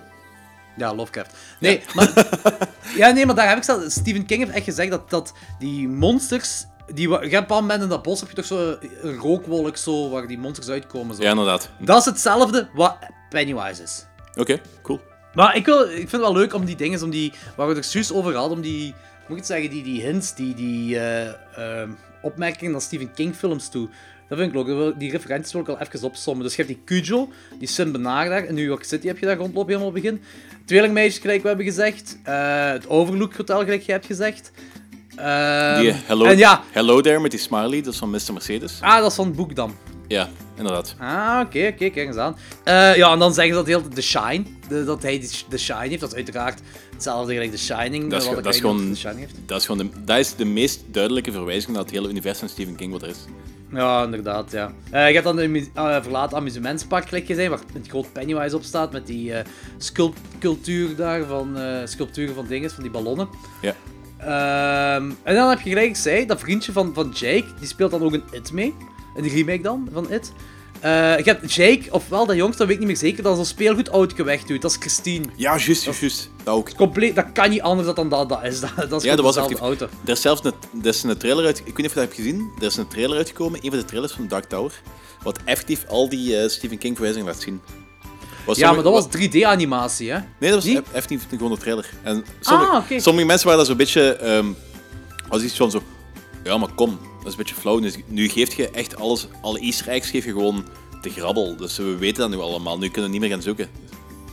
Maar er is een teaser uitgekomen, en nu weet ik niet van wat dat juist is, maar zo 3D-animatie, dat zo, ik denk, begint in, in de riolen of zo. Voor Pennywise dan, en dat eindigt denk ik op het bal van, van Carrie, met die rozen. Eh, of die gaat ook nog door de Shawshank Redemption, die gaat hem ook nog door. Zo, dat, is- dat is pas toch, heb je dat niet gezien? Eh, die hebben we niet gezien, Dat denk ik. Het is Nee. pas toch maar uitgekomen. Ik ga, ik ga het nog eens opzoeken, ik ga dat doorsturen. Maar ik weet niet... Ik dacht dat dat teaser was voor de Dark Tower. Maar ik, weet, ik denk dat niet, want... ah, Ik, ik weet niet, want de Shawshank Redemption komt er ook zo in voor. En ik denk de Green Mile ook, dat ze even door de gevangenis gaan. Eh, het is echt al, alle Stephen King verfilmingen, of de vele Stephen King verfilmingen, niet allemaal, maar vele, gaan ze zo doorheen met één tracking camera shot. En dat is wel een coole low-budget 3D animatie wat ze gemaakt hebben. Stuur me dat zo, want dat... Is, is, dat zo- niet, is dat niet een teaser van Dings? eh, van Castle Rock of zo? Ah, misschien dat dat... Ik, ik heb dat gezien, maar ik weet niet van waar het vandaan komt of wat dat zou moeten zijn. Dat zou misschien wel kunnen, ze. Ik ga eens opzoeken, ik zal Want opzoeken. Castle Rock gaat de metaserie zijn, hè?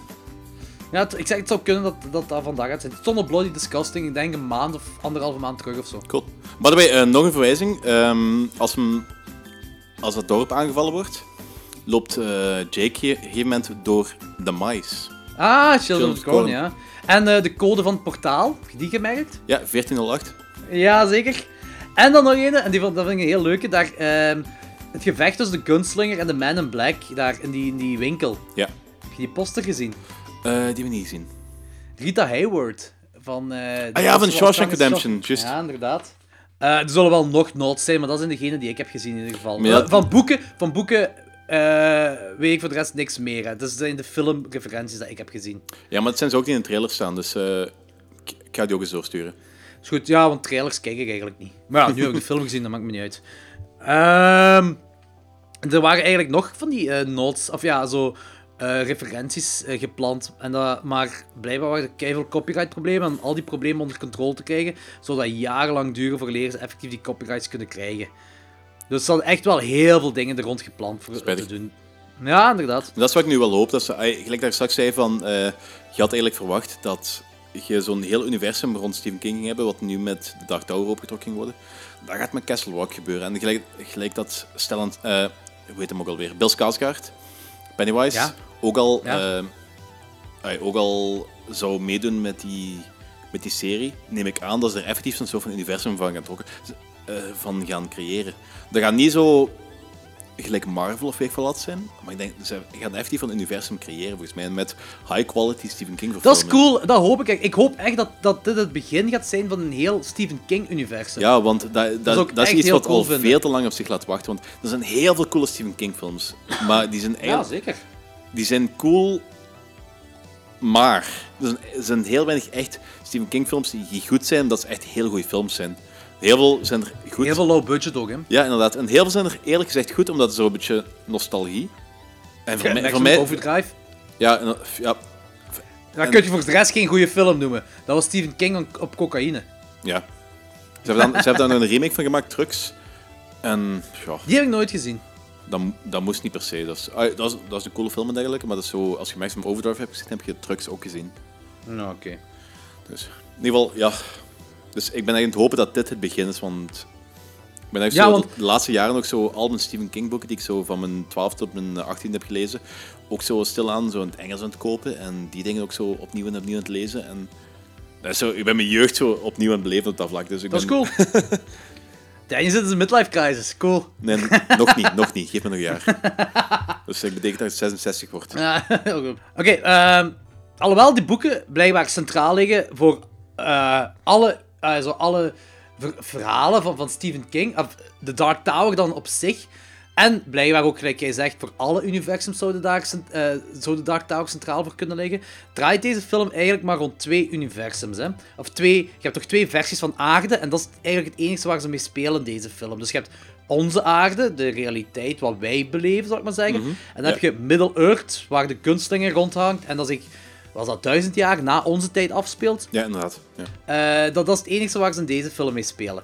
Voor mij, de- deze film draait vooral rond het jongske. Dat is echt zo, je, je hebt dat jongske, dat personage is perfect uitgespeeld, je hebt een goede backstory en, en dat, dat is echt goed geschreven van de jongen. Maar ik wou meer van de kunstlinger hebben. Ik had echt, dat miste ik echt in deze film, de- het verhaal van de kunstlinger. Want ze hebben, je hebt dan nog zo heel fel geforceerd dan met die pa erin. En er zijn blijkbaar reshoots geweest van 6 miljoen dollar omdat de kunstlinger helemaal geen backstory had. Die had helemaal geen verhaal. En het publiek, het testpubliek vond dat wel niks. Dus heeft Sony 6 miljoen geïnvesteerd om eh, reshoots voor, die, voor een backstory, voor, voor een verhaal rond die kunstlinger te, te maken. En je merkt dat er geforceerd is daarin.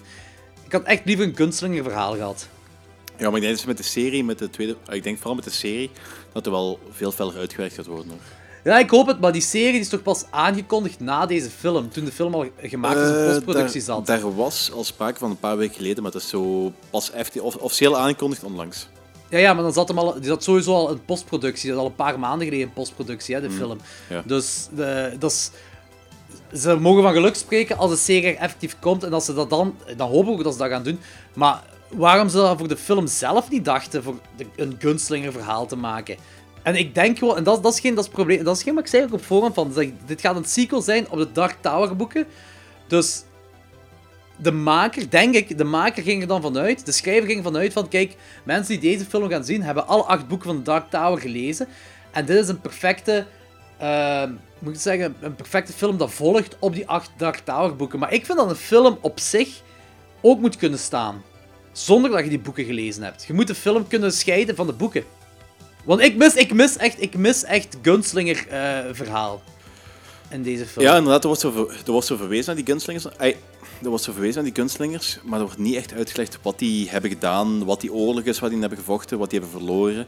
Voilà, inderdaad, ja. En dat is wat ik er straks zei, van, ik denk dat ze nu gewoon heel safe een knallende film hebben gemaakt en dat van- vanaf als ze iets hadden van, oh ja, dat slaat aan, dat ze dat dan gaan beginnen uitwerken. Dat ze dan al die dingen ook gaan beginnen vertellen wat er allemaal gebeurd is en misschien tonen van wat er gebeurd is.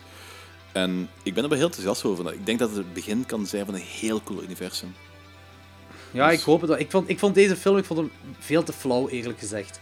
Maar ik vond hem heel cool, dus ja. Ik vond, ik vond hem echt veel te flauw. Ik vond hem niet slecht. Ik vond hem zeker niet zo slecht gelijk die afgeboetseerd wordt op het internet, dat nu niet. Maar er is zo, deze film mocht een half uur tot drie kwartier langer duren. Gewoon dit verhaal alleen. Dan heb ik het nog niet over de, de Stephen King-referenties, over heel dat universum dat gecreëerd kan worden met dit. De film op zich, het verhaal dat ze hier afspelen, dat verhaal op zich is veel te kort en, en eh, niet goed. Niet goed, niet goed geschreven, gewoon niet goed afgewerkt. Want er kan veel meer in. Er moest, die personages zijn zo te, te rushed in. Zo, is allemaal veel te rushed erin. En dat vind ik heel jammer. Gelijk, gelijk eh, Matthew McConaughey's personage, dat vind ik... Dat, dat heeft helemaal geen achtergrond. Daar is helemaal niks mee gedaan. Dat is gewoon zo...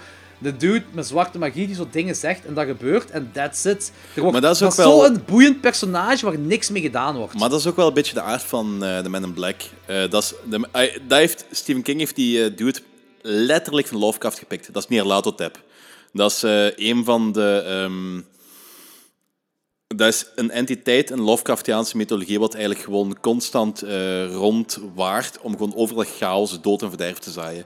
Meer dan dat is er niet. Voor de rest Oké, maar daar heb, ik, een daar, heb ik, daar heb ik niks aan. In een Inderdaad. film moet, die, in een, film moet die, een, een, een personage moet gekleed worden, moet be- bewerkt worden. En er moet iets in zitten. En deze personage heeft niks, terwijl dat naast de Gunsling het meest boeiende personage zou kunnen zijn in de film. Maar je hebt daar niks mee. Dat, is, Mhm. dat, is, dat vind ik heel jammer. Dat is een gemiste kans, vind ik zelfs. Ik, ja, ik vind, ik vind die film veel te kort voor wat het is. Ja, Veel te dat, kort. dat, geef, dat geef ik u verlicht gelijk. Dat, dat, voor mij, dat voor mij echt een uur langer mogen duren en zoveel meer mogen hebben. Zo. Maar ik ben heel optimistisch met het feit dat met die serie gaan ze dingen volgens mij allemaal nog eh, kunnen ontdekken. En eigenlijk. Er gaat heel veel gaat expanded worden. Ze gaan heel veel van die boeken gaan ze daar ook in pompen en dergelijke. Je krijgt heel veel backstory van die personages, verhalen, gebeurtenissen. Dat gaat nog allemaal komen, denk ik, volgens mij. Dus dit is een interlude. Al- Als ze aanslaat, ik hoop dat ze daar ge- geen stomme zet mee hebben gedaan met er niet genoeg in te stoppen. Maar als ze aanslaat en ze gaan met die andere dingen af kunnen komen. Want volgens mij, volgens mij de sequel al aangekondigd. Dan gaat, dan gaat er allemaal wel komen. Je gaat die informatie krijgen. En ik denk ook dat Men in Black gaat er ook in terugkomen en dergelijke. Ja, dat snap ik ook wel. Dat dat, ja, dat moet wel, want eh, zeker naar het einde toe, dat, dat je ziet dat die opnieuw avonturen gaan beleven. Maar dat maakt deze film op zich nog niet goed, hè? Ja, ik weet, ik, ik, geef, ik geef er gelijk in. Dus ik ben er, ik ben er iets genadiger voor. Maar ik geef er gelijk in. Ja, ja. Het is wel cool als je die, die, die effecten hierin zijn. Cool als zo, zo dingen waar je normaal, waar ik eigenlijk nog nooit in films heb gezien, gelijk van die stomme dingen als, als die kleine naar dat portaal gaat, eh, in dat huis, dat hout dat hem zo meesleurt. Dat is fucking cool gedaan. Ah ja, die huisdemon. Ja, dat is echt mega cool gedaan. Dat is echt zalig. Ook zo, de mon dat vind ik ook zo, die monsters dat zo de mensenhuid dragen, dat is heel cool. En ze laten zo stukjes zien, maar je ziet nog te weinig ervan, vind ik. Eh, Hetgene wat cool is aan die, aan die ehm, huiddragende mensen, is dat je moet bedenken van zo, ai, hoe komen die niet uit? En is dat gewoon gemaakt of hebben die daarvan mensen gepikt? Hebben er effectief Ik- mensen voor geslacht en mensen voor gevind, gevild? Ik had eigenlijk gewoon zo'n monster zo huid willen zien aandoen. Gelijk, gelijk iemand kleren aandoet, dat had ik willen zien. Ja, dat gaat... Ik, ik, ik durf u ik durf een hand voor het vuur te steken dat bij de serie nog wel gaat voorkomen hoor. Dus sowieso. Ja, zou kunnen, maar ik had het in deze film gewoon willen zien. Ik- Daar kwam het op neer. Eh, was de Crimson King? Dat is sowieso iets uit de boeken, hè, maar dat, dat, dat, buiten dat je zo wat gespr- eh, graffiti ziet zo van de Crimson King en dat de Man in Black iets zegt van ja, ik moet luisteren naar hem. Ik veronderstel dat ze daar de Crimson King mee bedoelt. Eh, komt er niks van in deze film voor van de Crimson King? Ja, d- dat is iets wat in, in de boeken en, en Eyes of the Dragon, een ander boek van Stephen King, wat in hetzelfde universum afspeelt, maar zo niks met Dark Tower te maken heeft, wel wordt uitgelegd. Dat is een, soort, dat is een koning die gecor- gecorrumpeerd werd door eh, de, de Men in Black. Ik heb hem niet gelezen, dus ik weet niet 100% zeker. Het is enkel wat ik van Wikipedia en dergelijke weet. Oké. Ah, oké, in ja. de boeken wordt hij wel meer uitgewerkt. En...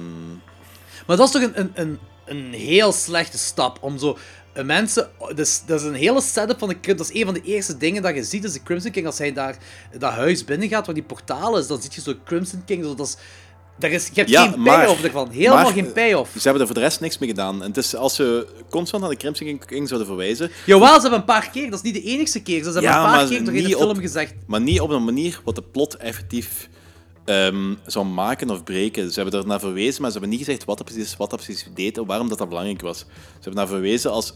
nogmaals, en ik weet dat ik nu het zeggen, want ik had dat deze film al gezien, maar nogmaals als zoethoudertje voor de toekomst. Ze hebben die volgens mij die film effectief als gewoon een instap in de mogelijke toekomst gemaakt.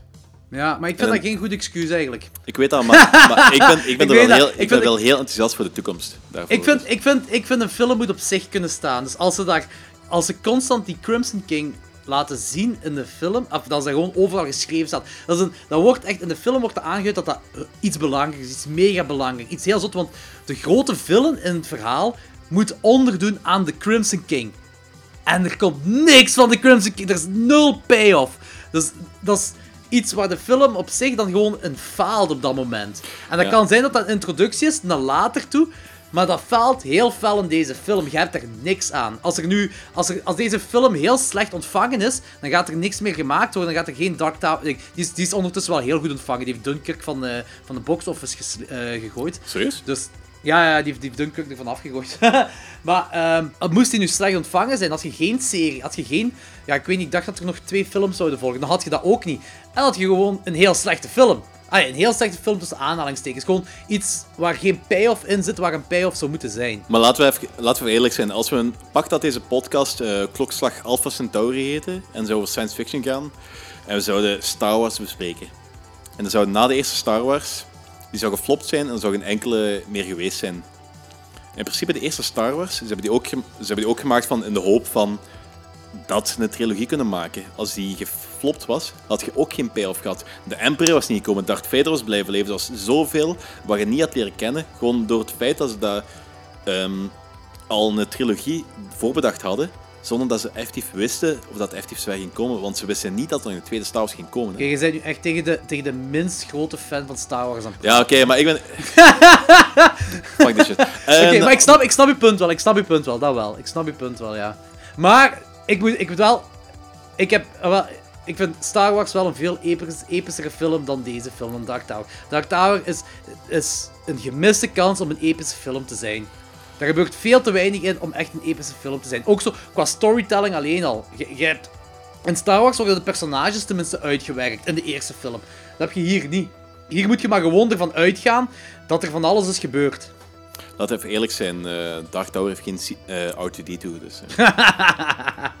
De, die Talking Raccoon scene, scène vond ik wel grappig. ik vind sowieso heel, heel die scènes grappig, dat me zo niet echt mee overeen kan met wat er in In deze wereld gebeurt. deze wereld... Zijn, zijn we eigenlijk al de hele tijd spoilers aan het spreken? Of? Ah, we zullen spoilers gaan, ja, spoilers.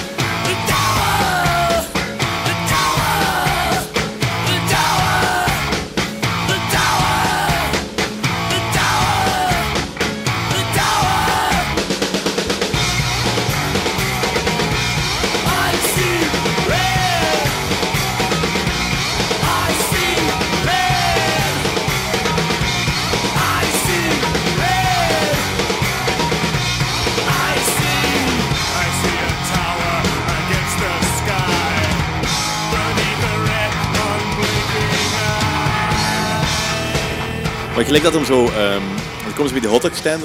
What's this? It's a hotdog. Ja. Savages. Oké, maar dus de motivatie van de gunslinger om de Man in Black te vermoorden is dus omdat hij wraak wil nemen op de dood van zijn vader. Maar wat is de motivatie van Jake? Want hij is al mee met de gunslinger vooraleer die, haar moeder, vooraleer die zijn moeder vermoord is, hè? Ja, Jake is gewoon... ah, Jake heeft die... Sinds op, Jake heeft The Shining. Heeft The Shine, Ja. of The Shining, gelijk dat ze het Ja, ja, ja. ja. vroeger noemden. En heeft die dromen gehad. En heeft, hij wordt er constant mee geconfronteerd met die dromen. Elke nacht droomt hij erover. Hij droomt over de Gunslinger. Hij droomt over eh, eh, Village 1919. Hij droomt En over de Dark Tower en zo. En Ja. over de Man in Black. Hij is, de, hij is daardoor geobses- geobsedeerd. En hij leeft dat constant. Dus elke droom is levensecht. Dus hij zit daar constant mee in zijn hoofd. En dat is zijn leven. En op een gegeven moment komt hij erachter dat dat echt is. Door dat ehm, huis in NY. Het huis waar dat naartoe gaat. En Ja, op een gegeven moment ja. die portal naar eh, ja, eh, die zandwoestijn. Ja, ja, ja. ja, Dan komt ja. erachter dat dat echt is. En hij maakt dan ook de klik dat ehm, die aardbevingen, dat dat een aanval is van de Men in Black op de Dark Tower en dat het effectief de echte wereld kan, kan kapot maken. Hoe Dus meer motivatie, zijn- zijn hoe meer moti- motivatie- hoe meer motivatie moet je hebben? Zijn motivatie is de wereld redden. Eh, de zijn wereld- de redden. wereld redden? Zijn wereld. Ja, zijn wereld redden. Of nee, alle werelden redden dan. Want als de Dark Tower vernietigd is, zijn alle universums gaan er dan aan. Hè? Ja, inderdaad. Als, ey, Ja. als je één wereld kunt redden en de rest erdoor door meer redden, bedoel, twee vliegen in één klap. Dus. Ja, ja voilà. Oké, de Man in Black verzamelt kinderen met van die psychic powers, die allemaal die de Shining hebben, en, eh, en die wil die krachten bundelen om de Dark Tower te vernietigen. Eh, en de Dark Tower is dus eigenlijk zo wat de beschermende toren dat de monsters eh, buiten laat. En de- als die Dark Tower vernietigd is, dan kunnen die monsters naar binnen komen. Inderdaad. En dan kan die de realiteit, wat wij kennen of wat andere universums kennen, kan dan verwoesten.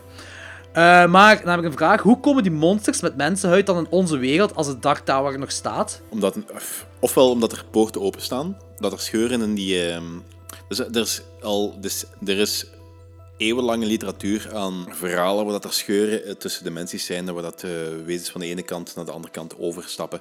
Ofwel bestaan die gewoon al in ons universum. Zijn dat niet per se beesten van. Maar in deze van- film laten ze dat niet zien. Of, dat, inderdaad, dat- ja, dat wordt, dat wordt niet verder uitgelegd, maar voor, het- voor hetzelfde geld bestaan die gewoon al hier. Hè?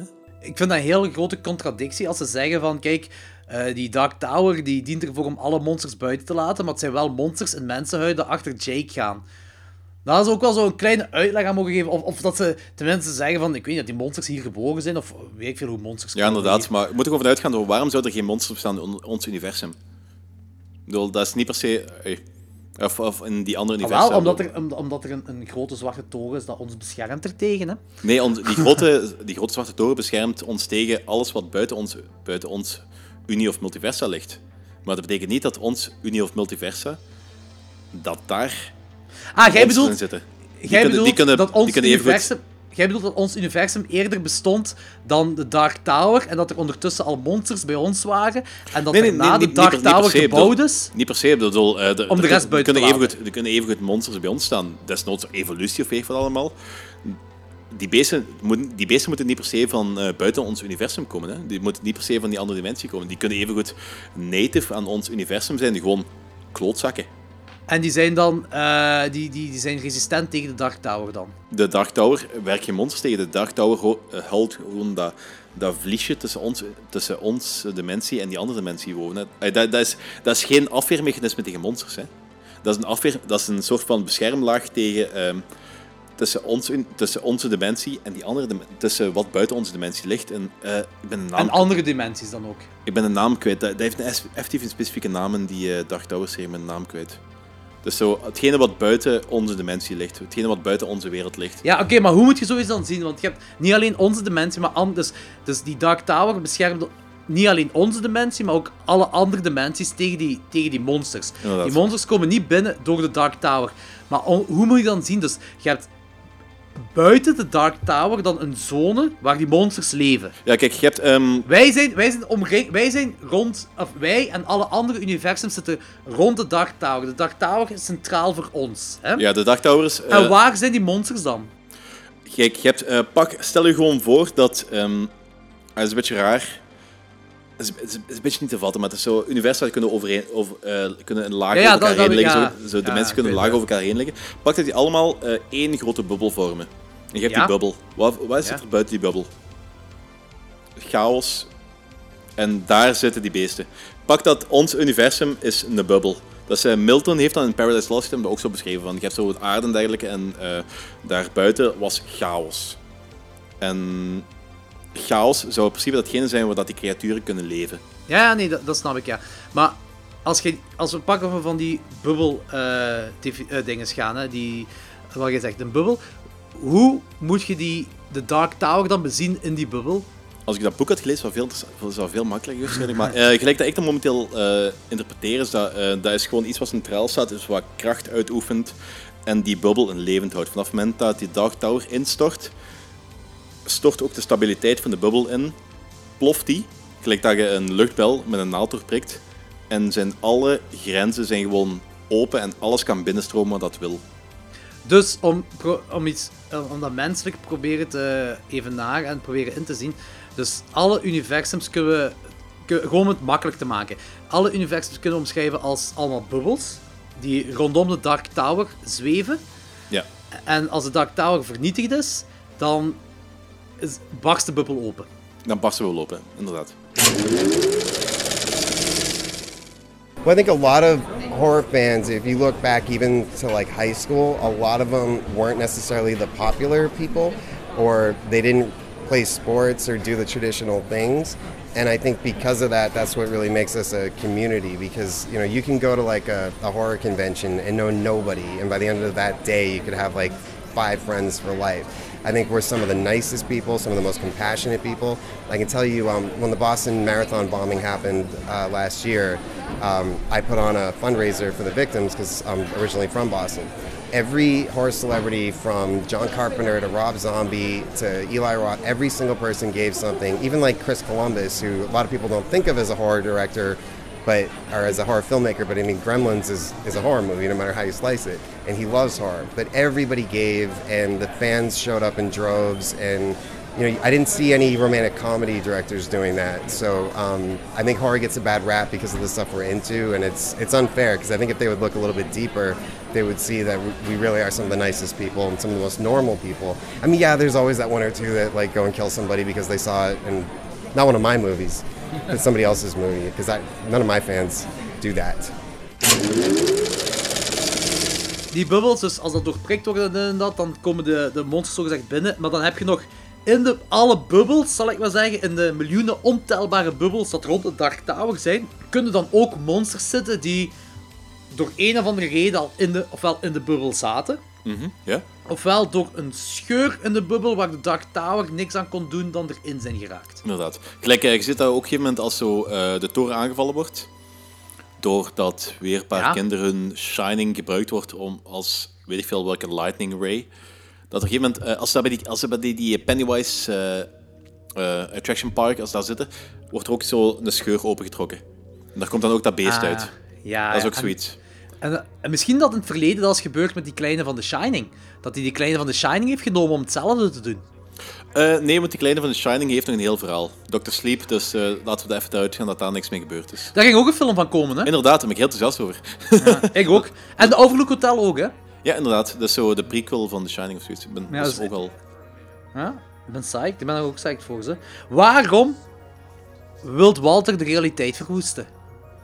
Dat is wat ik daar straks zei. Walter, dat, is, ehm, dat heeft Stephen King le- letterlijk van Lovecraft gepikt. Walter is Nyarlathotep. Dat is de, de chaos messenger of die, el- of die eh, ancient gods of elder gods, of weet ik veel hoe dat ze he- precies heten. En die kerel die wil gewoon chaos veroorzaken, oorlog, dood, verderf. Dat is het enige wat die kerel wil veroorzaken. Dat, is, dat is zijn enige doel. Maar dat, dat, is, dat is nog zoiets wat ze gewoon in een film mogen vermelden. Dat is, jij weet dat omdat je heel veel backstory achter Lovecraft en zo hebt. Inderdaad. En dan moet je al diep erop in kunnen gaan. Maar gelijk ik of eh, een andere gewone kijker, die gaat dan nooit te weten komen. Dat is, dat is iets, ook weer waar een film in faalt. En als ze dat nu gewoon laten weten, als ze gewoon laten weten. Want hij komt, eerlijk gezegd, Walter komt eigenlijk ook niet over als... eh, als zo de, hoe moet ik zeggen, de evilheid zelf. Het enige wat, eigenlijk wat hij heeft gedaan is die pa van de Gunslinger vermogen en de ma van Jake.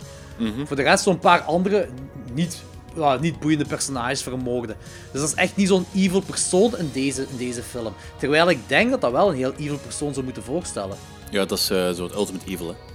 Dat is, zo de, dat is de enige persoonlijkheid... Ja, zie, en deze film komt dat helemaal niet. Ik vind trouwens ook, dat is de allereerste keer, en waarschijnlijk, ik hoop ook de laatste keer dat ik ga zeggen, maar ik vond deze ook een vrij, niet slecht, maar een middelmatige vertoning van eh, Matthew McConaughey. Ik vond dat heel Die- cool. Hij heeft ik dat, heb die al dat heel veel cool beter gedaan. zien acteren, veel beter. Ik, heb die, ik vind zelfs dat hij beter acteert in Texas Chainsaw Massacre 4 dan dat hij in deze film gedaan heeft.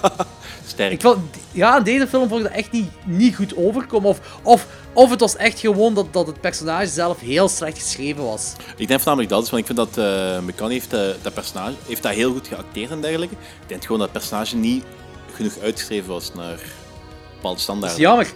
Want ik had echt wel gehoopt dat dat zo'n heel zot evil personage zou zijn. Dat vind ik wel maar jammer. anderzijds, McCann Het is is, er wel perfect en- voor, want het is, het is geen...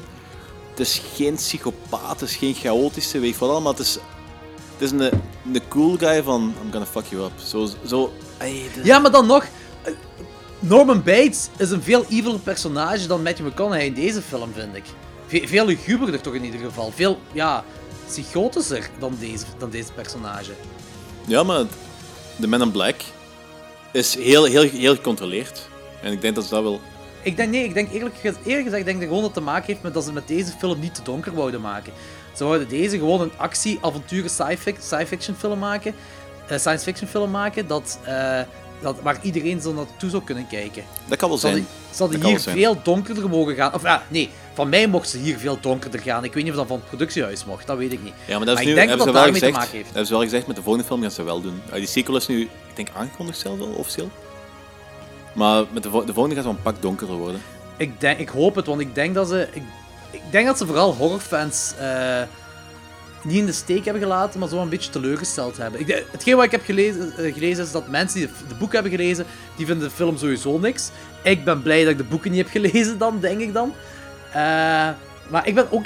Deze film op zich mocht, ja, gelijk gezegd, een uur langer duren. Dat de personages beter uitgewerkt was, dat, dat het verhaal niet zo gerushed was erin. Want ze hebben heel veel overkeken, wat, wat heel veel schaadt aan de film, vind ik. En, eh, en ik denk dat ze heel veel horrorfans in de steek hebben gelaten of teleurgesteld hebben, dat ze, omdat dit helemaal geen donkere film is. Ja, ik snap het. Het is iets, Ja, er, zijn, er zijn Harry Potter films dat enger zijn dan deze film. Zeker de latere Harry Potter films. ja dat is... Dat is, niet per se, dat is niet per se een goede referentie, want die latere Harry Potter soms echt al fucked up. ja, ik, ja, ik weet het, maar Harry Potter heeft helemaal niks met horror te maken. Dus daarmee dat ik het zeg, daarmee dat ik het zeg dat deze, deze leunt verhaalgewijs meer naar horror toe dan, dan de Harry Potter film. En die, ja, zeker die latere Harry Potter films zijn inderdaad fucked up. En dat heeft deze film helemaal niet. En als je dan met een personage bezig bent dat het meest evil ooit moet zijn, waar eigenlijk gewoon in deze film niet veel evil is dan Dr. Evil zelf, dan heb ik zoiets van, ja, kom, dat had toch wel veel beter gekunnen. Maar daar geef ik de schuld al aan de productiehuis. Ik denk dat de productiehuis daar Ja. echt een PG-13 film van wouden maken. Ik denk dat ook wel. Dat is gelijk dat ik zei van, ik denk ook dat effectief Hey, ze hebben die, eh, we zijn een spoilertrein, dus ik mag dat zeggen. Ze hebben die op, op het einde is omdat ze neergeschoten. Maar Dat is wel cool.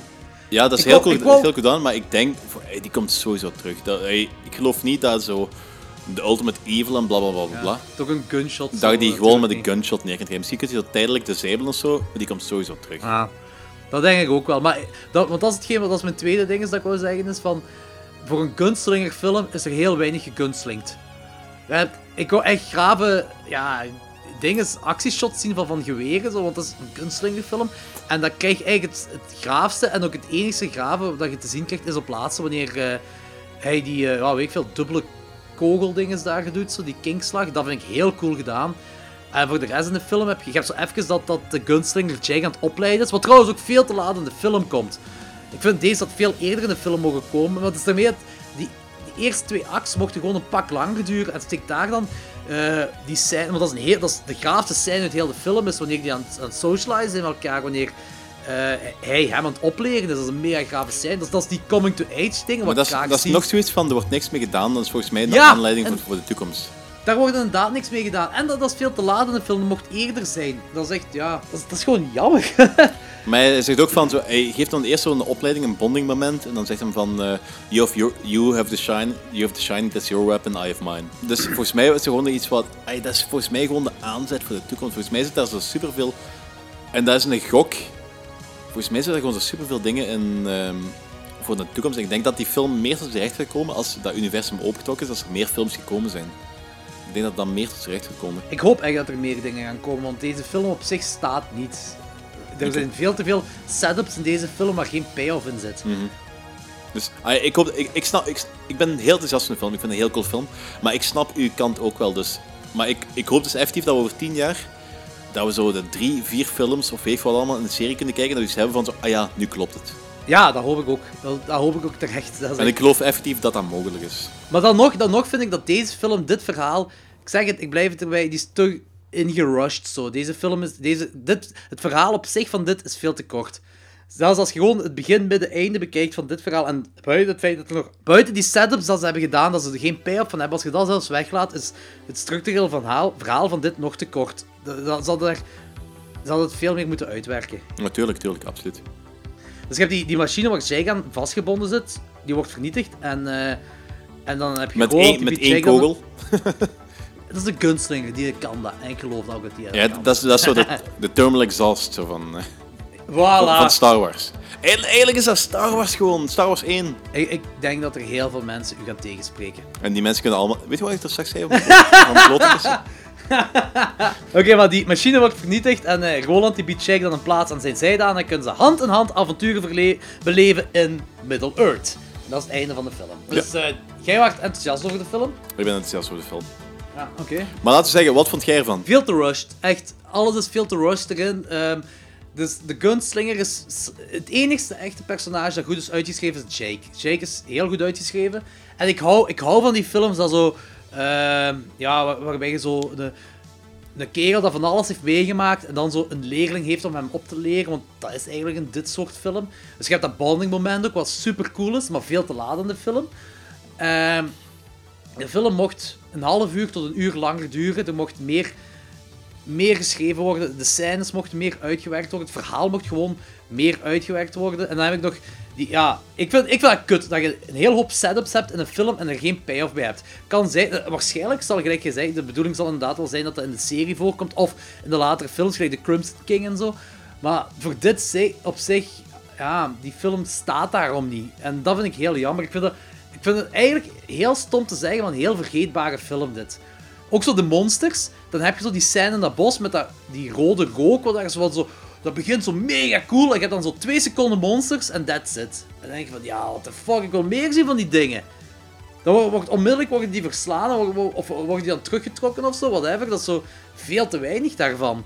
Dat vind ik heel jammer. De Stephen King referenties waren er zowel de subtiele als degene die right in your face zijn, vind ik mega cool. Daar kan ik echt niks over zeggen. De, de effecten in de film en zelfs de, ook al zijn het maar twee seconden monsters dat je ziet, zelfs dat is gewoon mega cool gedaan. Daar valt ook weinig over te zeggen. Ik, ik, zit, ik geef hem, ja, ik zit echt ergens tussen een 5,5 en een 6. Ik pak dat ik nog een 6 geef, omdat ik wel enthousiast ben als het verhaal verder gaan uitbreiden naar eh, series toe. Dus ik geef het toch nog een 6. Oké, zo wat? Oké. Jij, Danny? Eh, mijn mening, ehm, ik had na de, na de hele backlash op het internet van hoe negatief dat die film ontvangen werd en dergelijke, wat schijnbaar volgens u toch nog omgedraaid is, met Dunkirk overtroffen en dergelijke. Ja, nee, de film is negatief ontvangen, maar die, die heeft een openingsweekend, heeft hij dan, ik denk het openingsweekend van Dunkirk verslaan of zoiets was het. Die heeft in ieder geval heel veel opgebracht in het openingsweekend. Ja, in ieder geval, dus eh, ik had er wel schrik voor. En ik ben naar de bioscoop gegaan van, ik hoop dat het cool wordt, ik hoop dat het cool wordt. En ik was echt mee van begin tot eind. Ik heb de Dark nooit gelezen. Als Stephen King fan is dat een beetje zo'n, eh, een beetje schande. Maar ik heb de Dark Tower serie nog nooit gelezen. Ja. Maar ik, ik ken genoeg van de backstory om toch zo al te weten wat zo. Dat toch het een van te weten. Dus ik, vond, ik vond het echt wel heel cool gedaan eigenlijk. Er waren heel veel dingen die me echt aanstonden. De Lovecraftiaanse referenties vond ik heel cool. De eh, algemene atmosfeer. Het feit... en daar verschillen wij volgens mij. Het feit dat eh, ik beschouw deze film nu als een, een introductie voor alles wat nog komen gaat. En ik heb zo'n idee dat, gelijk dat ze nu met een serie bezig zijn, de sequel is ook al min of meer aangekondigd, ook al bevestigd. Die, zou gebaseerd, die gaan ze baseren op eh, boek 3 en dergelijke. Dus waar dat eh, Jake en de gunslinger elkaar eigenlijk toe leren kennen. Ja, ja. Zou daarop gebaseerd worden. Dus ik heb nog heel veel verwachtingen van. En volgens mij is het, is het gewoon de Star Wars en New Hope van deze reeks. En hetgene wat we nu hebben gezien is gewoon een glimp, een introductie. En alles gaat gewoon losba- losbarsten na deze. Hoop ik. Dat is, dat is de hoop wat ik er momenteel heb. En dat is wat ik er ook in heb gezien. En waarom dat ik zo ook wel heel cool vind. Dus Oké, ik wou echt dat ik ook in uw schoenen kon staan, dat ik dat ook zo leuk vond. En eh, Ik ben, ik, ik ben nu na deze film ben ik ook heel eh, voorzichtig voor de volgende. Ik, ik kijk er naar uit, maar heel voorzichtig naar de volgende films. Ja, die, Eh, ze hebben ook al gezegd dat die waarschijnlijk donkerder zou worden. Een pak donkerder.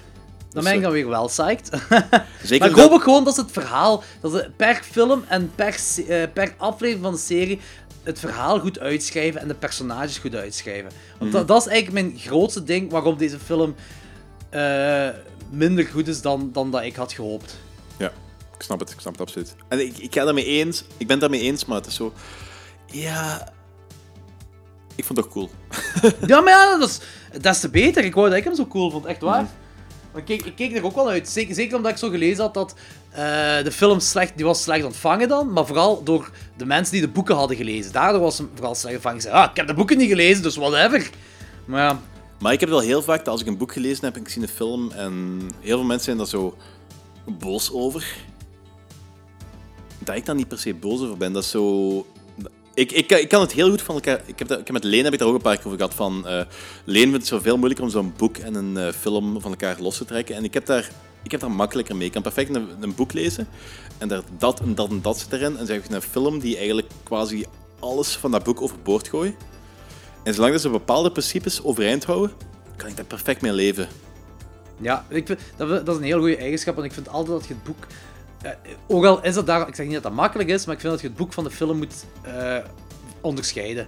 Ja, da- da- da- daar ben ik, Want een, een slechte boekver- een, slechte, jawel, een slechte boekverfilming is, geen slechte, is daarom geen slechte film. Zoals eh, het grootste voorbeeld dat je kunt hebben is The Shining. Ja, Dat is een slechte boekverfilming, maar daarom is dat geen slechte film. inderdaad, inderdaad. Maar ik heb er zo... ik heb discussie al met heel veel mensen over gehad. Ik heb zo heel vaak... Ik heb tegenwoordig de... ehm, de neiging a- aangeleerd om eerst een film te gaan kijken en dan pas het boek te lezen. Want ik heb gemerkt van, eh, als je naar een film kijkt, je kunt de film... Het is veel makkelijker om ehm, de film te kijken, daarna het boek te lezen en zo positief te zijn over de film die je eerst hebt gezien, Ja. dan om eerst een boek te lezen en dan een film te kijken en dan de kans is groot dat je teleurgesteld bent. Dat is waar. Want als je een boek gaat kijken, een boek is... eh, als, je, als je een boek gaat kijken, fucking hell. Eh, als je een film gaat kijken, een film is sowieso beperkt. Een film is sowieso meer dingen wat eruit geschrapt zijn. Me- Je kent de hele achtergrond, de hele gedachtegang van het personage. Het is heel moeilijk om in die film te stoppen. Er zijn een paar films die, een paar films die daar goed in zijn, maar heel weinig. Maar plus ook, een film kan nooit even nagaan je eigen fantasie, hè. Inderdaad, ook al. Alhoewel soms, als je een hele luie fantasie hebt, is een film wel fijn. Oké. Maar goed, dus als je, een film, als je een film gaat kijken en je ziet dat en dan dat en er gebeurt dat, dan is oh, dat is mega cool. En dan lees je het boek uit. Je kunt alleen maar meer ontdekken. Terwijl als je eerst een boek leest en je ziet al die dingen, en dan heb je de, be- de beknopte versie in de film, dat is dan altijd zo teleurstellend, vind ik. Dus daarom, daarom ben ik blij van, daarom ben ik blij dat ik nu eerst Dark Tower heb gelezen. Ik, ga er nu werk van maken van misschien dat eh, bepaalde Dat je die mensen... hebt, niet gelezen. Godverdomme, man. Misschien dat bepaalde toffe mensen mij met mijn verjaardag eh, de volledige reeks en een mooie Engelstalige box van de Dark Tower of zo kunnen geven van verjaardag, oktober 9. Eh, Subtiele hint. ja, heel subtiel hint. Ja, dus eh, wa- wat ik dus zou zeggen, ik ga, dan, dan begin ik effectief aan mijn rating. Ik ga gewoon, die boeken ga ik nu binnenkort eens beginnen lezen. Ja. En dan ga ik zoveel meer herkennen en zoveel meer ontdekken. En dat gaat me nog enthousiast, enthousiast maken over die film. Ik die film opnieuw kijken en dan heb ik zo, ah ja, dat en dat en dat. En daar is dat en dat en dat achter. Terwijl als ik zo andersom zou hebben gedaan, zouden allemaal eigenlijk veel kutter zijn geweest. Ja, dat is denk ik wat de meeste van die, de, de lezers van deze boeken hadden bij deze film. Dus daarom, mensen, eerst een film kijken en daarna het boek lezen. Hupsa, nu heb je het gehoord. Ja, voilà. You heard it first at podcast 12. Klokslag 12. Klok zegt 12. In ieder geval, ehm, een rating. Ik ga momenteel een 8 geven. Dat oh, kan... dat is heel hoog. Ja, dat, dat kan nog stijgen als, Holy shit. als de rest in het universum beter wordt. Als eh, die serie effectief gaat uitbreiden. Als effectief blijkt dat dit de eerste stap, de intro, in een heel universum is geweest, wat heel cool is geweest. Gaat over een jaar of twee, drie, gaat dat 9 zijn. Maar momenteel geef ik het nog een 8. Gaat deze nu top 10 eindigen dit jaar? Dat weet ik niet, hangt ervan af wat er voor de rest allemaal gaat uitkomen. Ah ja, oké. Dus Tot nu toe? Tot nu toe kan dat wel, eigenlijk. Ik, ben echt, ik was echt, gelijk dat zei, van, ik had eigenlijk vrij lage verwachtingen van die film toen ik gisteren ging. Voornamelijk door zo'n negatieve commentaren op internet en dergelijke. En het was echt, ik heb echt genoten in die film, man. Dat is afnormaal, hè. Des te beter. Ik ben jaloers. Ik wou dat ik ook zo kan zijn. Dat is echt waar. Ik meen dat. Ik, ik kijk liever een film dat ik tof vind dan dat ik, dat ik zoveel problemen ermee heb. Maar pas op, ik, ik buis hem ook niet, hè. Dus ik heb hem nog uiteindelijk een 6 gegeven. Dus, dus niet... Ik zeg, ik vind hem helemaal niet zo slecht gelijk iedereen die op internet die. Helemaal niet, maar ik heb wel mijn problemen ermee. Ja, en, dat is, en dat heb ik al gezegd, ik snap het absoluut. Maar ik ben er... Ik heb er zo bepaalde ehm, factoren die ik naar voren duw, waardoor ik zo iets vergevender ben er tegenover. Ja, perfect. Kijk goed. Eh, Oké, dat was dan eh, onze future review van eh, allemaal Dimentiefilms.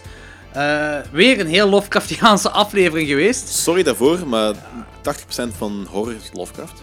Ik heb dat gezegd.